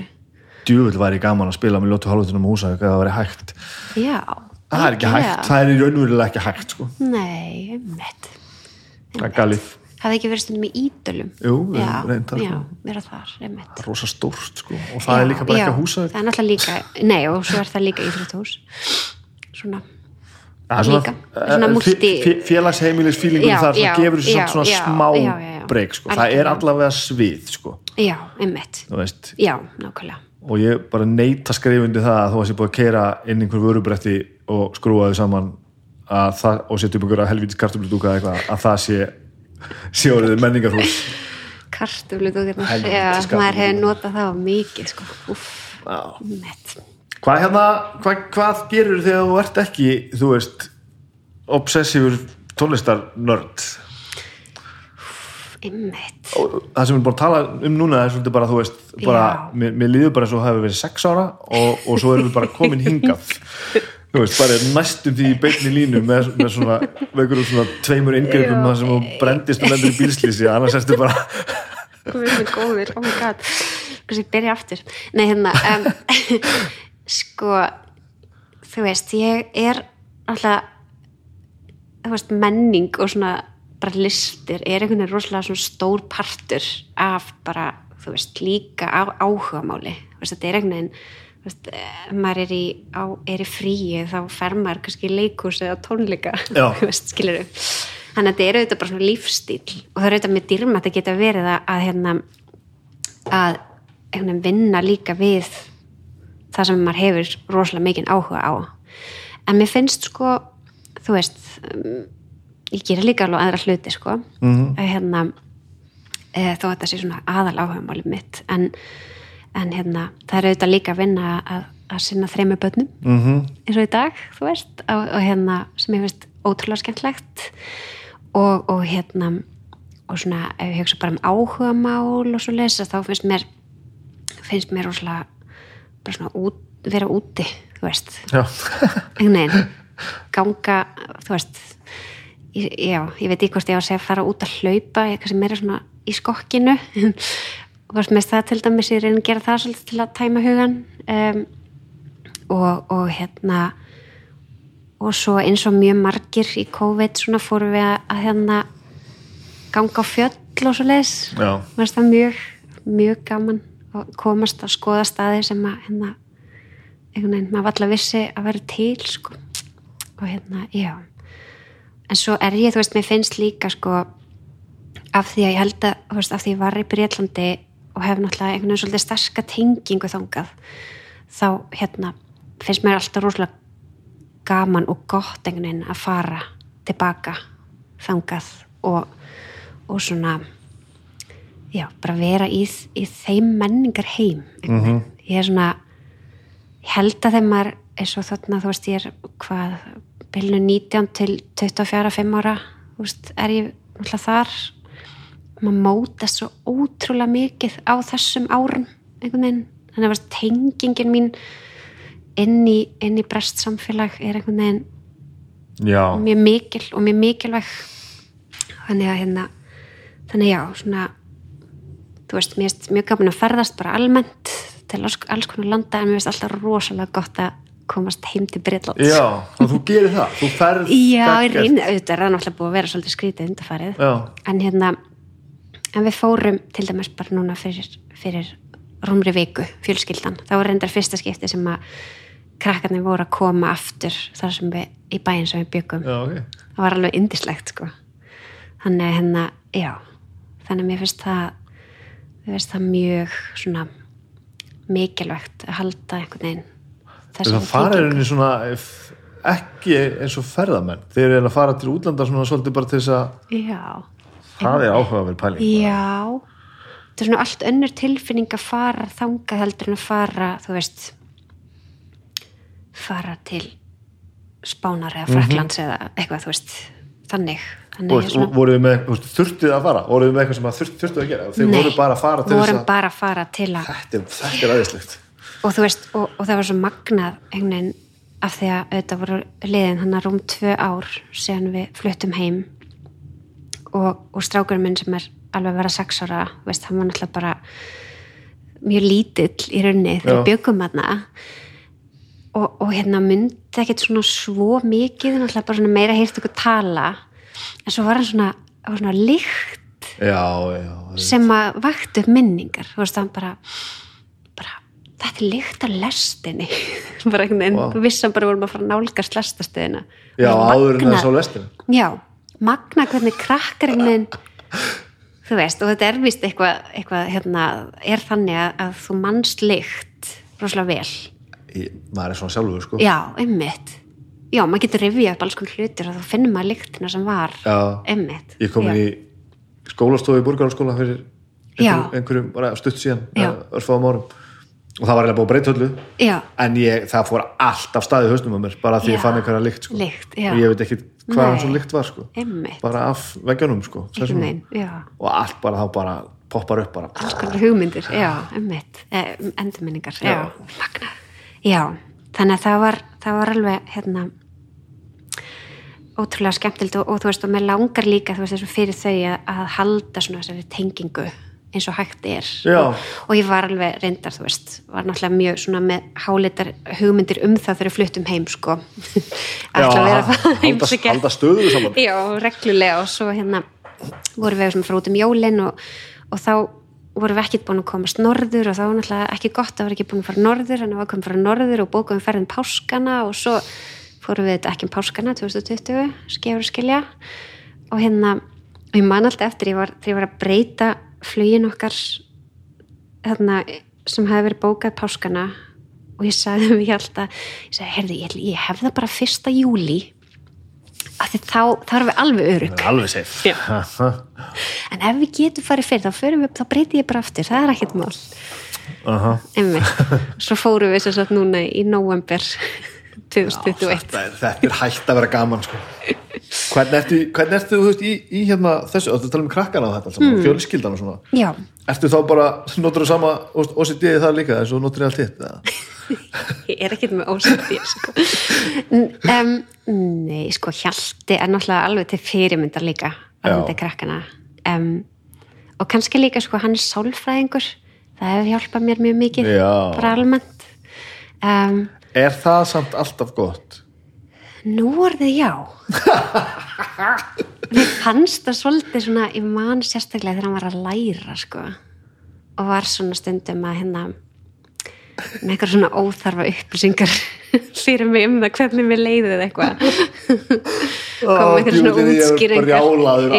bara um leið, já, sko. veist, að þá, þá var ég stundum svona þurfti ég að svona já, minna hann bara á að hann væri nú kærastinn minna, eigin maður minna hvernig þetta var. já, en ég held í dag þú veist, finnst mér það bara ég er mjög þakklátt fyrir það í dag. Og hérna og hann er kannski líka sko svona þú veist, ég er svo sem, þú veist ekki það ég þekki marga sálfræðinga nema þá eitthvað er svona gegnum hann en, en þú veist, hans bakgrunnur er líka svona, þú veist, hann var svona smá vandrálingur nei, eða veist, hann var svolítið svona hætti í skóla og byrjaði aftur og hætti aftur og, og þegar ég kynnist honum, þú veist, þá er hann sko bara full í rockinu og ætlaði bara að verða rockstjarna þarna og mikið fyrir norðan að spila í því allu og, og hérna og svo og svo hérna byrjaðum við saman og, og það er náttúrulega það hljómar eins og ég sé að eitthvað að við ætla að kollavarpunum gjörsamlega en það liði ekkert margir mánuð þá var hann farin að læra klassiskan söng en það mér og svo fallega rödd sko. Já, tenor, það var eftir að þið byrjuð saman. Já, já, Já. svona einhver alvöru. Og hérna og, og svo já, og svo var hann svona skömmu síðar komin í sálfræði líka þannig að, já, en, en hérna nei þú veist, ég held að hann alltaf vinnur til dæmis rosa mikið með svona hugræna aðtöldismeðferð það er eins mér rosa vel. Það er frábært sko. Já. ég held að ég sé sjóleis núna. Ég, allavega, mm, svona ham. Já, hann, hann kallar það nú ekki alveg held í það en, en ég held við séum að gera sér Se, já, það er svo skemmtilegt sko. já. Og bara svona með þetta varandi hugsanirnar og maður hafi stjórn hugsunum sínum og allt þetta sem er ótrúlega áhugavert. Mhm. en það sem ég ætla nú aðlega að segja var sko að, þú veist, að hérna, auðvitað er starfið mitt þannig að veist, það er krefjandi og, og, og krefst mikils af mér. Þú veist, ég eigði mjög miklum tíma í vinnunni og hérna og ég er náttúrulega gríðarlega þakklátt fyrir hans stuðning í því. -hmm. og hérna þannig að, svona hvað krakkana varðar að þá, þá er, er ekki alls ekki síður hann og er meira hann sem að svona er duglegur að passa upp á allt skiplaði þar. Þannig hérna já, og það gengur ótrúlega vel. Þú veist, þau eru mjög held ég bara hamingisum og, og líður vel og, og hérna, já. Þannig hérna mér veist líka sko ég held að þessi tím okkar í Breitlandi hafi líka svona fært þau öll svolítið nær hvort öðru. Veist, þó þau séu ekki alveg ekki svona, veist, ekki alveg fætt hérna alveg hvort eftir öðru en, en hérna eða svona of, hérna ekki of nálega hvort öðru í aldri að þá samt einhvern veginn eru þau svo rosalega samrýmd. Mm -hmm. það er rosa, mér finnst það svo fallegt og, og skemmtilegt. Já, það lítur að vera mjög gott að já, mark sko. já og hérna eru já, eru þarna eru sérst, já, búið með lögadalnum og bara rosalega mikið krökkum allstaðar, þannig að það er mikið, mikið líf á heimilinu, oft margir Já. í heimsókn og mér finnst það æðislegt svo ótrúlega skemmtlegt þannig að hérna já, mér finnst svona emitt, þetta þú veist, þessu helgarnar finnst mér bara skipta rosalega miklu máli að geta varið tíma með þeim og verið að gera eitthvað skemmtilegt saman. Ert þú að vinna frekar venjulegan, reglulegan vinnutíma? mm, Já kannski svona já, ég, ég kannski vinn alveg, þú veist þetta er náttúrulega fylgir auðvitað líka stundir svolítið kvöld og helgar Já, og svona en, en, en svona já, ég vinn líka allavega dagvinnu svona 8-5, 8-4 já, Já, eitthvað og þú, þú, ert, þú ert oftar en ekki bara heima að vera í sagt. já, Já. já, Þú ekki Ég er erist með að fórna því í dag. já veist kvöldmaturinn er alveg bara Já. skiptir ótrúlega miklu máli Það er rosalegt akkeri, maður finnur Já. það núna þegar krakkarnir eru konum með pínu vitt í kollin bara, Einmitt. þú veit værið að skutið maður að gera það ekki. og bara líka þetta svona þessi mitt, bara allir setjast niður og tala um hvað ég voru að gera Já, finnst það æðislegt og, og það var líka þannig heimi á mér það var svolítið svona, það var þannig heima að mér sko. það var svona alveg svolítið fast í föstum skorið var alltaf kvöldmatur og allir saman Eina sem að ég sé eftir á að ég, ég náði ekki var það, sískinni minn eru sko, þú kannski kannast aðeins við þetta, mm. eru sko 6 og 8 árum yngri en ég sko. já, já, já, já Þannig að ég var eiginlega svolítið farin að heiman áður en ég tengdist þeim eitthvað sko. Mm. Af því að ég, þegar maður er átjánan og bróðinni 12 ára, þú veist, mm, og sýstiðin enn yngri, sko. það er svona, þú veist, ég, já, já var, maður nefndi því ekki alveg, sko. Þur, maður þurfti að vera enn, enn eldri til þess að, að tengjast þeim, Tengjast sko. Þegar allir voru beisið ljóti fullotni, sko. Já, þetta er svona þegar allir eru einbyrni einhvern veginn Já, ég var allavega einbyrð, já, þau, já, þau kannski, þau, þau tengdu kannski voru tengdu mér. já, já, akkurat ég samt að hugsa sko þú veist, ég og nonni bráða minn hann er fjórum árum yngri Mhm. -hmm. þannig að við vorum auðvitað alveg svolítið svona að leikum okkur alveg saman og svo leis, svo kemur Benedikt þannig að 12 árum yngri en ég. Og þá var ég meira svona, ég var rosa spennt þegar hann var að fæðast, næstu geg, geggja sko. Og var náttúrulega bara svolítið svona passan og þá kannski ég meitt svona fóð maður meiri í einhvers konar svona mömmuleik sko. Þú veist sem að hérna tengir okkur svona öðruvísi sko. En auðvitað náttúrulega er, ég, er hann lítill þegar ég flytt til útlanda til dæmis sko. Já, auðvitað. já, þannig að hérna já, eða fyrir mentaskóla þannig að, að hérna en svona þú veist og í dag, þeir búa báðir í Reykjavík í dag sko þannig að við reynum svona og, og ég kannski svona með upplifið mig svona, þú veist, svona elst og ég vil svona kalla okkur saman og Já, það verður svona einhver að gera það. Já, það, já, maður já. kemst að því smátt og smátt, að já, bara ef að já. enginn gerir það, þá gerist það ekki. Já, þannig að við veist það, mér finnst það mjög gaman og svona og að, já við séum svona litla fjölskyldan í Reykjavík Já, þið saman, sko.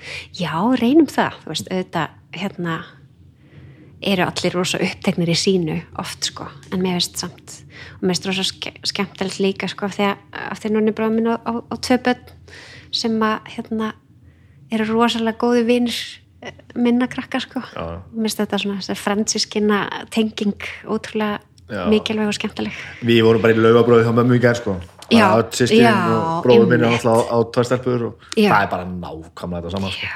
Allt einmitt, börnin mín og Baldus að leika sér saman sko. Það er eitthvað magnað við það sko. það er alveg magna algjörlega, maður verður alveg, alveg bara úst, öll klísan sko, Já. maður bara sess- situr ykkur stáður og bara ó, allt er svo eitthvað krútlega saman og já, já, algjörlega og hugsa sér þú veist að maður sé að búa til kannski einhver tengsli sem munur sér bara Mhm. haldast æfi langt sko fyndið, ég var einmitt að hugsa nákvæmlega þetta af því að sem sagt um, hvað er ég að segja? Uh, sýstur svona mömmu sem sagt, við erum, við erum systra sinni sko. Já, já. Við, við vorum svo einmitt í sambandi í gæra því að við vorum að fylgast með einhverjum amerísku hópstæðleik sko. veist, og ég hugsaði bara þetta sem ég var að horfa á börnin mín og Baldurs gera, Já, það er það sem við vorum bara að gera, þú veist, fyrir 40 árum síðan, tæmlega sko og við erum enn að gera, núna, já, þetta er ekki flókin starfræði og þetta nei. hlutinni svona þegar maður fyrir að upplifa þetta sjálfur maður bara, wow, maður, djúvel þetta stert sko. einmitt, það ótrúlega gaman. Og það er bara vegna þess að mamma hefur fyrir að bóða mann í fokking lögabröð ég verð þunnur mamma, það er alltaf leið ah, það er svona stundir skipta svo ótrúlega miklu máli. Ég var með líka lögabröðum helgina. Ah, með fjölskyldina sjálta og bara allir saman. Það var mjög, það er svona já, dýrmætastundir þannig að hérna já, ég held að, að svona einmitt, þegar maður á frítíma þá einhvern veginn þá, þú veist, ég vil verja honum þá einmitt í eitthvað svona. Já, þú veist, við erum að góðum vinum eða fjölskyldinni eða, já, ég, þú veist, allavega enn sem komið er ég ekki, þú veist, að fara í golf, nei. Eitthvað svo leis. minna svona skipulagt activity og meira bara njóta þess að vera saman? Já, þú veist, ég reyna alveg að fara stundum í rektina og svona, ég er alveg með kort, sko, og hérna, og mér erst frábært líka því að elsti sonum minn, hann er, sem er 13 ára, hann er hérna, er líka komið kort, þannig að við getum fara saman, Ah. sko, mér finnst það mjög fínt. Þannig að, já, eitthvað svona samvera sem er líka einmitt aldrei merkilegt ég áttaði, áttaði mig á því núna í fyrsta skipti bara, þú veist þegar ég fór, ég er búin að fara tvær ráðstefnur núna í haust Erlendis og maður fyrir ráðstefnur er maður alltaf svona eitthvað einn í herbyggi og þú veist, þú ert á þessum fundum og svo ferði bara eitthvað einn.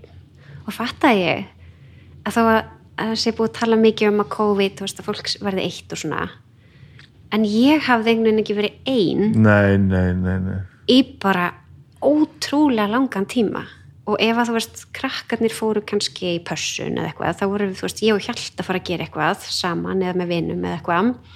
Þannig að ég sem einstaklingur hafði bara ekki verið ein nei, í rosalega langan tíma að segja einhvern tíma fyrir COVID. Wow og ég, þú veist átt, fattaði þetta ekki eiginlega fyrir en ég var bara þarna komin á þessar ástöfnu og, og svo var ég bara rosalega kunni nú, fannst það ekki gott? Ekki fyrst sko, nei við gerum alveg í þessu ég og Agnes sko. Já, alveg bara ef við erum að fara eitthvað í mat eða til, til dæmis eða eitthvað sko. Já, já. Að annað okkar er bara, verður bara gaggjast eftir heima sko, já, einmitt. Ekki út af neinu sko, Nei, nei. heldur bara sko, ég verð bara að fá að vera einn stundum sko, Já, ég, og hún er bara einn sko, ég, ég missi bara vitið ég, næði ekki aðeins að, að slaka á einn en ertu það ekki með öðru fólki samt? Hvernar? það er ef þú ferðið eitthvað í mat eitthvað Jú, en þá var hún skilur já, ein. hér, já, Já, já, já, með krökkunum samt kannski. Nei. nei, einmitt ekki, nei, einmitt, einmitt já. alls ekki sko. herði, ég þarf eitthvað að fara til dæmis þetta sko, e- eða bara þú veist uh, ég ætla bara að fara út í kvöld Já, bara, og bara sem ég er að fara bara á rútin eða já, bara, já, þú veist, jú, kannski hitt einhvern kannski Einmitt. ekki, þú veist, bara einn í bíó eða eitthvað, já, en aðalega þetta bara að vera einn heima hjá sér þegar allir aðrir eru farnir sko, já, og það er svo gott sko einmitt. Einmitt.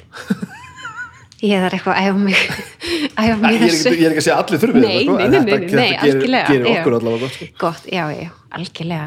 Ummitt en þetta var svona, þú veist, af því að þetta var einhvern veginn bara svo oft, oft þegar maður hefur verið að ferðast og svona, þú veist, að ef maður oft verið einn. Já, og ég hafði bara ekkert velt þessu fyrir mér. Fyrir en að ég bara svona, wow hérna, já, þetta er ekkert betra heldur en að ferðast einn sko. Einn á flugvöllum og svona, það er næs sko. ekki sammála mér. Ég veit ekki alveg, mér finnst meiri stemning svona ekkert neginn kannski að ég geri hitt rosalega oft sko. við erum alltaf að túra og svona. Já, já, já, já, alltaf með og kannski kontrastin er það einmitt, við erum alltaf kannski átta saman eða eitthvað. Já, já, og svona já. eitt og hálft tonna einhverju drastli í einhverju flugtöskum býðandi einhverjum röðum eftir einhverju sérvitri þýskir einstaklinga tekja maður inn í, Já, rétt já, hólf já, og eitthvað svona. Einmitt, einmitt, já nei, mér finnst, já. Kannski er maður líka bara meira svona að vera að ferðast einn, þá er ég einhvern veginn svona einhver vinnu móti, þú veist, fyrir eitthvað finn mér stað og opna tölvunum og vinn. Mér finnst þetta mér svo rosa fínt eftir að netið er komið í vélarnar þú veist, að maður getur unnið ferðinni. Og sem ég segja bara, nei, akkur er þetta net í vélarnum, þetta er ummitt tíminn sem maður gatt Já, bara lesið eða gert eitthvað. Ég er rosa góður að slökka bara á því sem ég að Já, þetta er eitthvað sem ég þarf að, ég þarf að temja mér þetta meira sko. tekur vinnunum með þér heim og svona alveg, þú veist Já, ég stundum. ég stundum vel með svona bóku hliðina til þess að skrifa, þú veist, þegar ég mann, þegar ég vakna á nóttunni eða eitthvað. En hérna, já, en þá kikkar líka hugrana aðtillis meðferðin inn Já. og maður getur svona einhvern veginn stundum lært að reyna að slökka á einhverju sem maður er að hugsa. þú sérst ekki góð í því almennt Nei, ég held ekki, sko. Já, þetta er eitthvað innbyggt kærlis í mig sko. ég, ég er mjög fókt upp á mjög mörguleiti sko.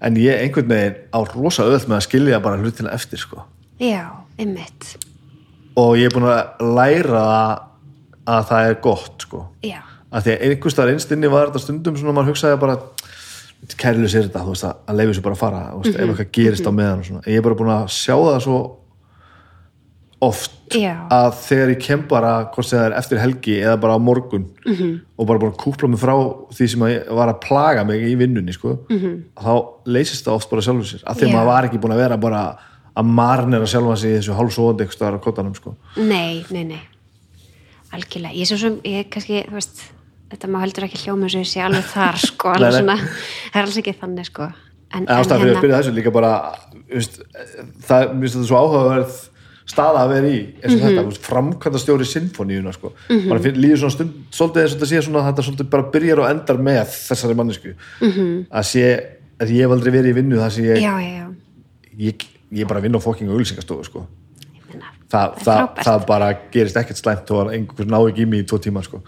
þú veist sko þetta er náttúrulega líka kannski svona þú veist já, þú veist, þetta er náttúrulega bara og ég held öll svona vinna þú veist, þetta er það snýst allt um líka bara svona teimið og samvinnuna, veist, og ég er alveg í frábæru teimi með frábæru fólki. Og, og það er rosalega gaman að vera að vinna þessu og ég held að það sé eitthvað Já. sem að drífa mann áfram. Þú veist, og maður hefur metnað og ástriði fyrir einhvern veginn að þetta verði alltaf veruleika Mhm. þú veist, að þá þá er maður líka kannski sko, þá er það ekki endilega þannig að maður þurfi alltaf að vera eða þurfi að taka með sér nei. heim eða maður þurfi að vera alltaf að hugsa um það. En af því áhugin er Bara til svona staðar ósvikin bara, já, þeir og það er svolítið bara- þannig. já, það er svolítið þannig sko. Þannig að hérna og ég er ekki auðvitað, ég er ekki að segja veist, það endist auðvitað er ekkit, ekkit endalaust sko.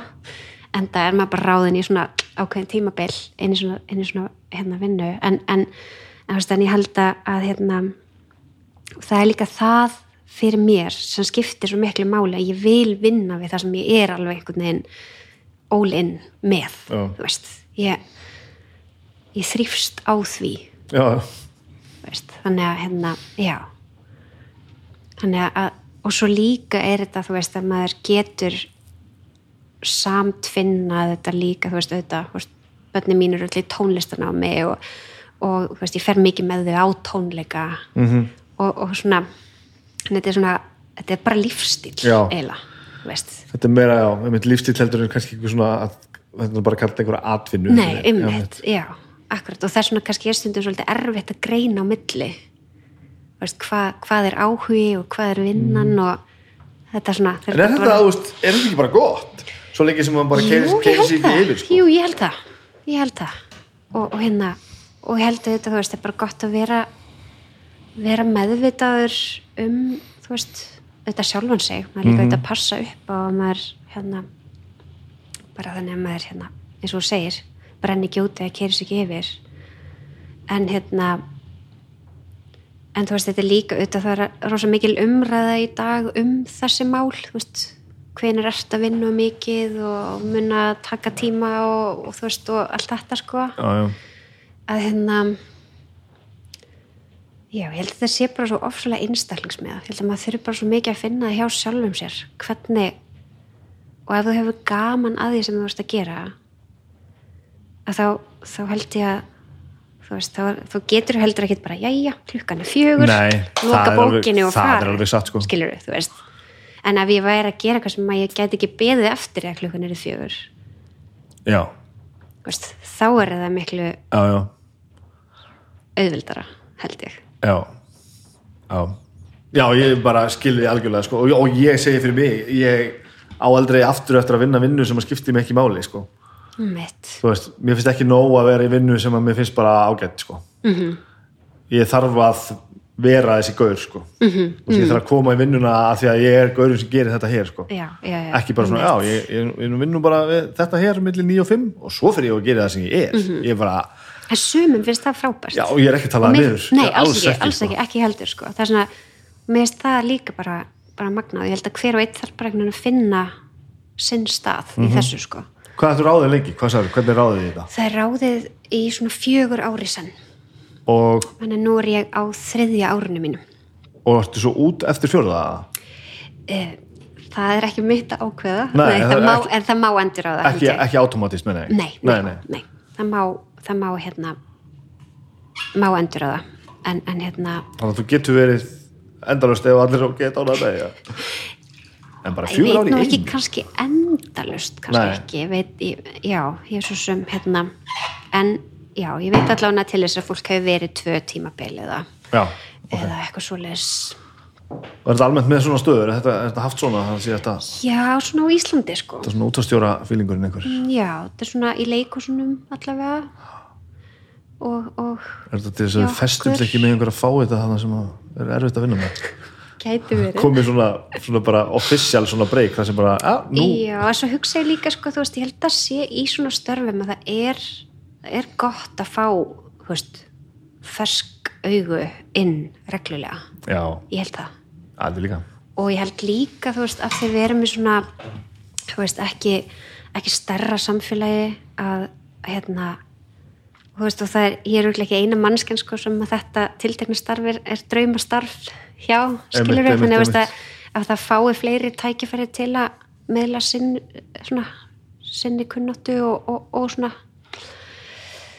inn í svona inn í svona hérna komur að segja stopnun, ég vil ekki nota það orð helst, en, en já til miðleikur til ljómsutarinnar er ekki fyndið að vera í svona vinnu sem að þú veist eiginlega að þú verður ekki í alltaf eða þú veist mm. -hmm. svo, jú, jú, jú, en ég held að það henda mér held ég bara einmitt, bara vel, eða þú veist að það sé bara verkefni sem þú þetta leysir er bara verkefni sem ég er í núna og ég vil, þú veist gera mitt allar besta fyrir þann tíma sem ég hef uh -huh.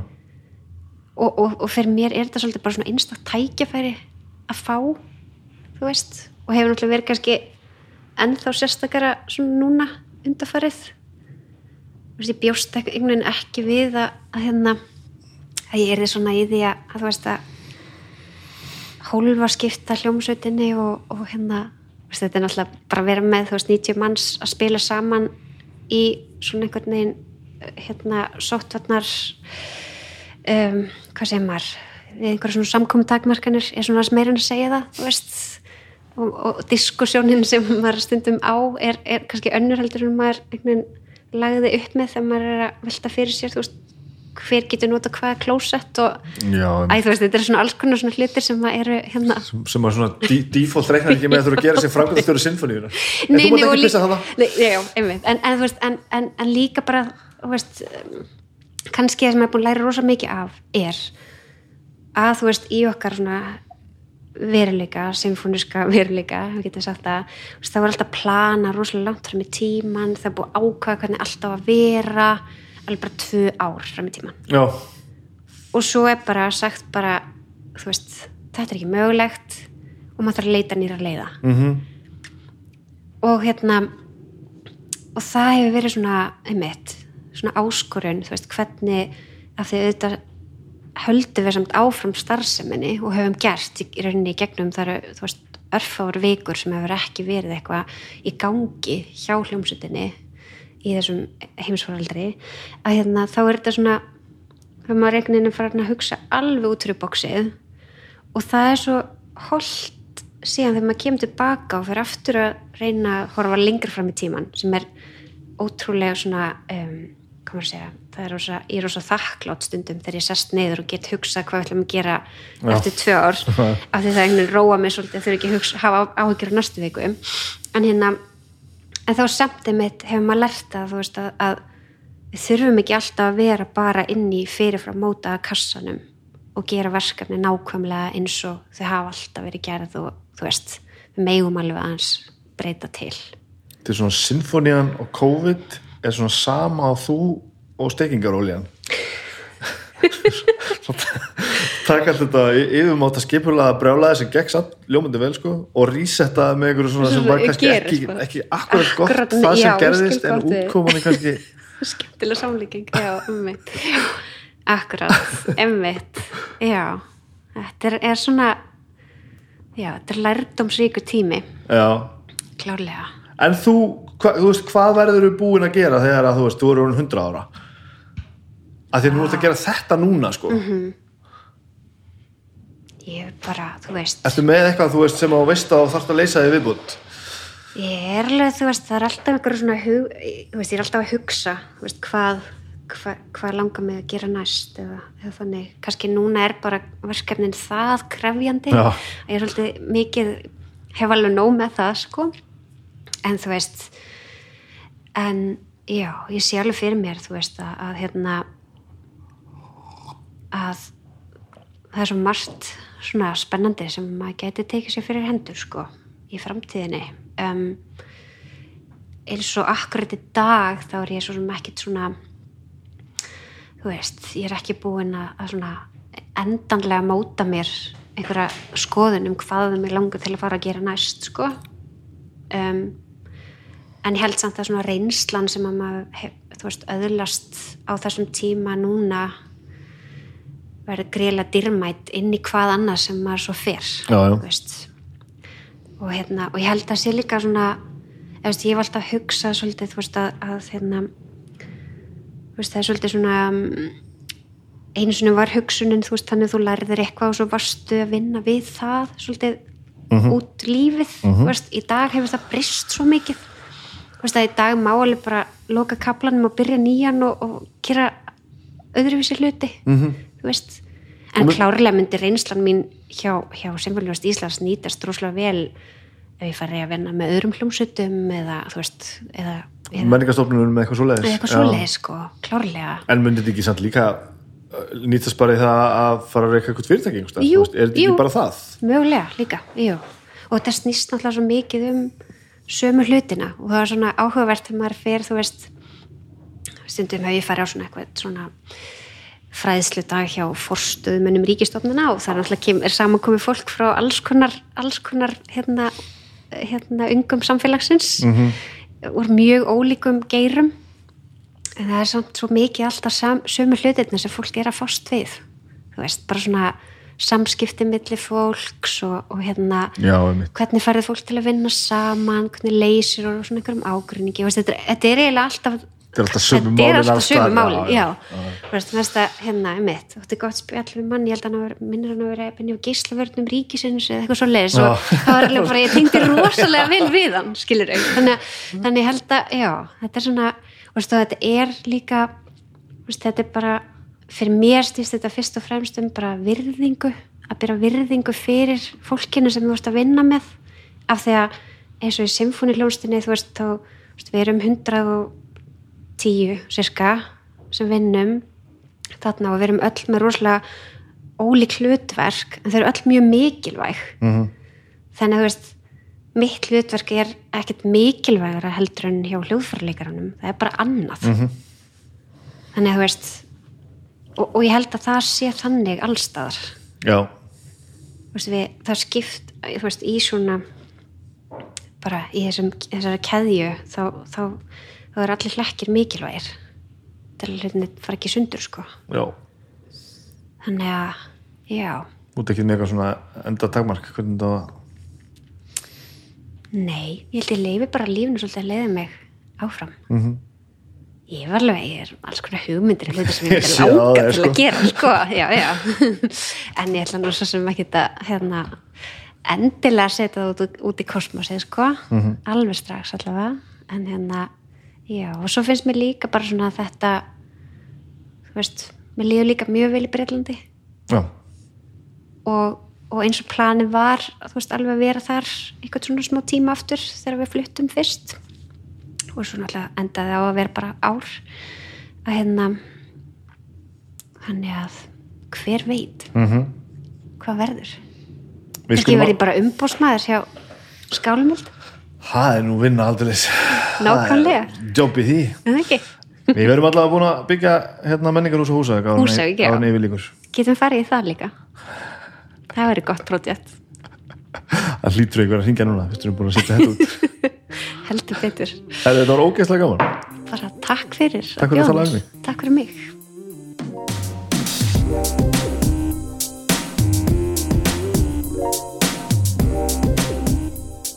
Við þurfum ekki að hafa mikið fleiri orðum það. Það var skemmtileg, skemmtilegur dagpartur hér við eldhúsborðið.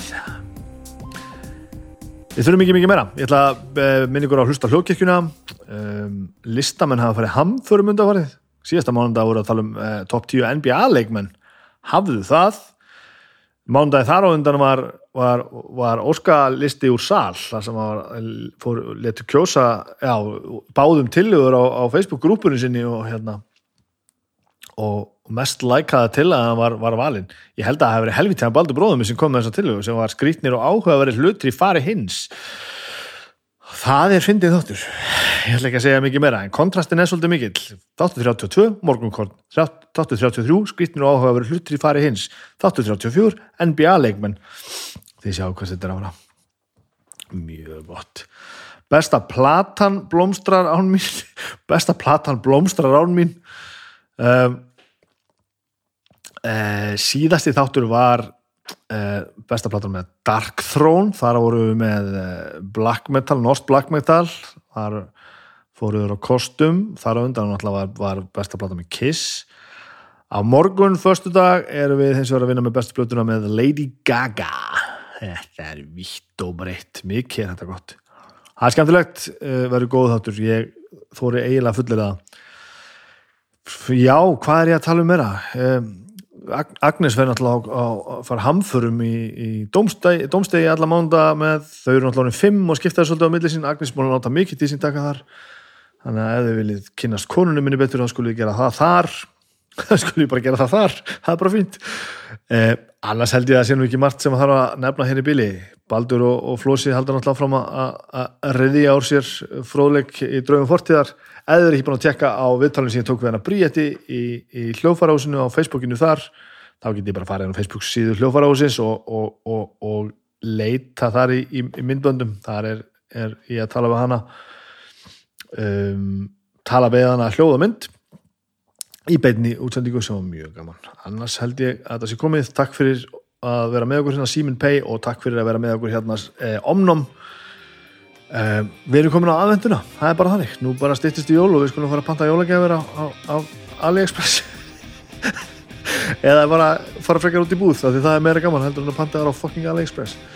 Þetta er allt gott. Ég ætla að loka þessari tölvu og fara að gera eitthvað hrikalega uppbyggilegt. Takk fyrir að hlusta á mig og Então, onko tämä splash splash?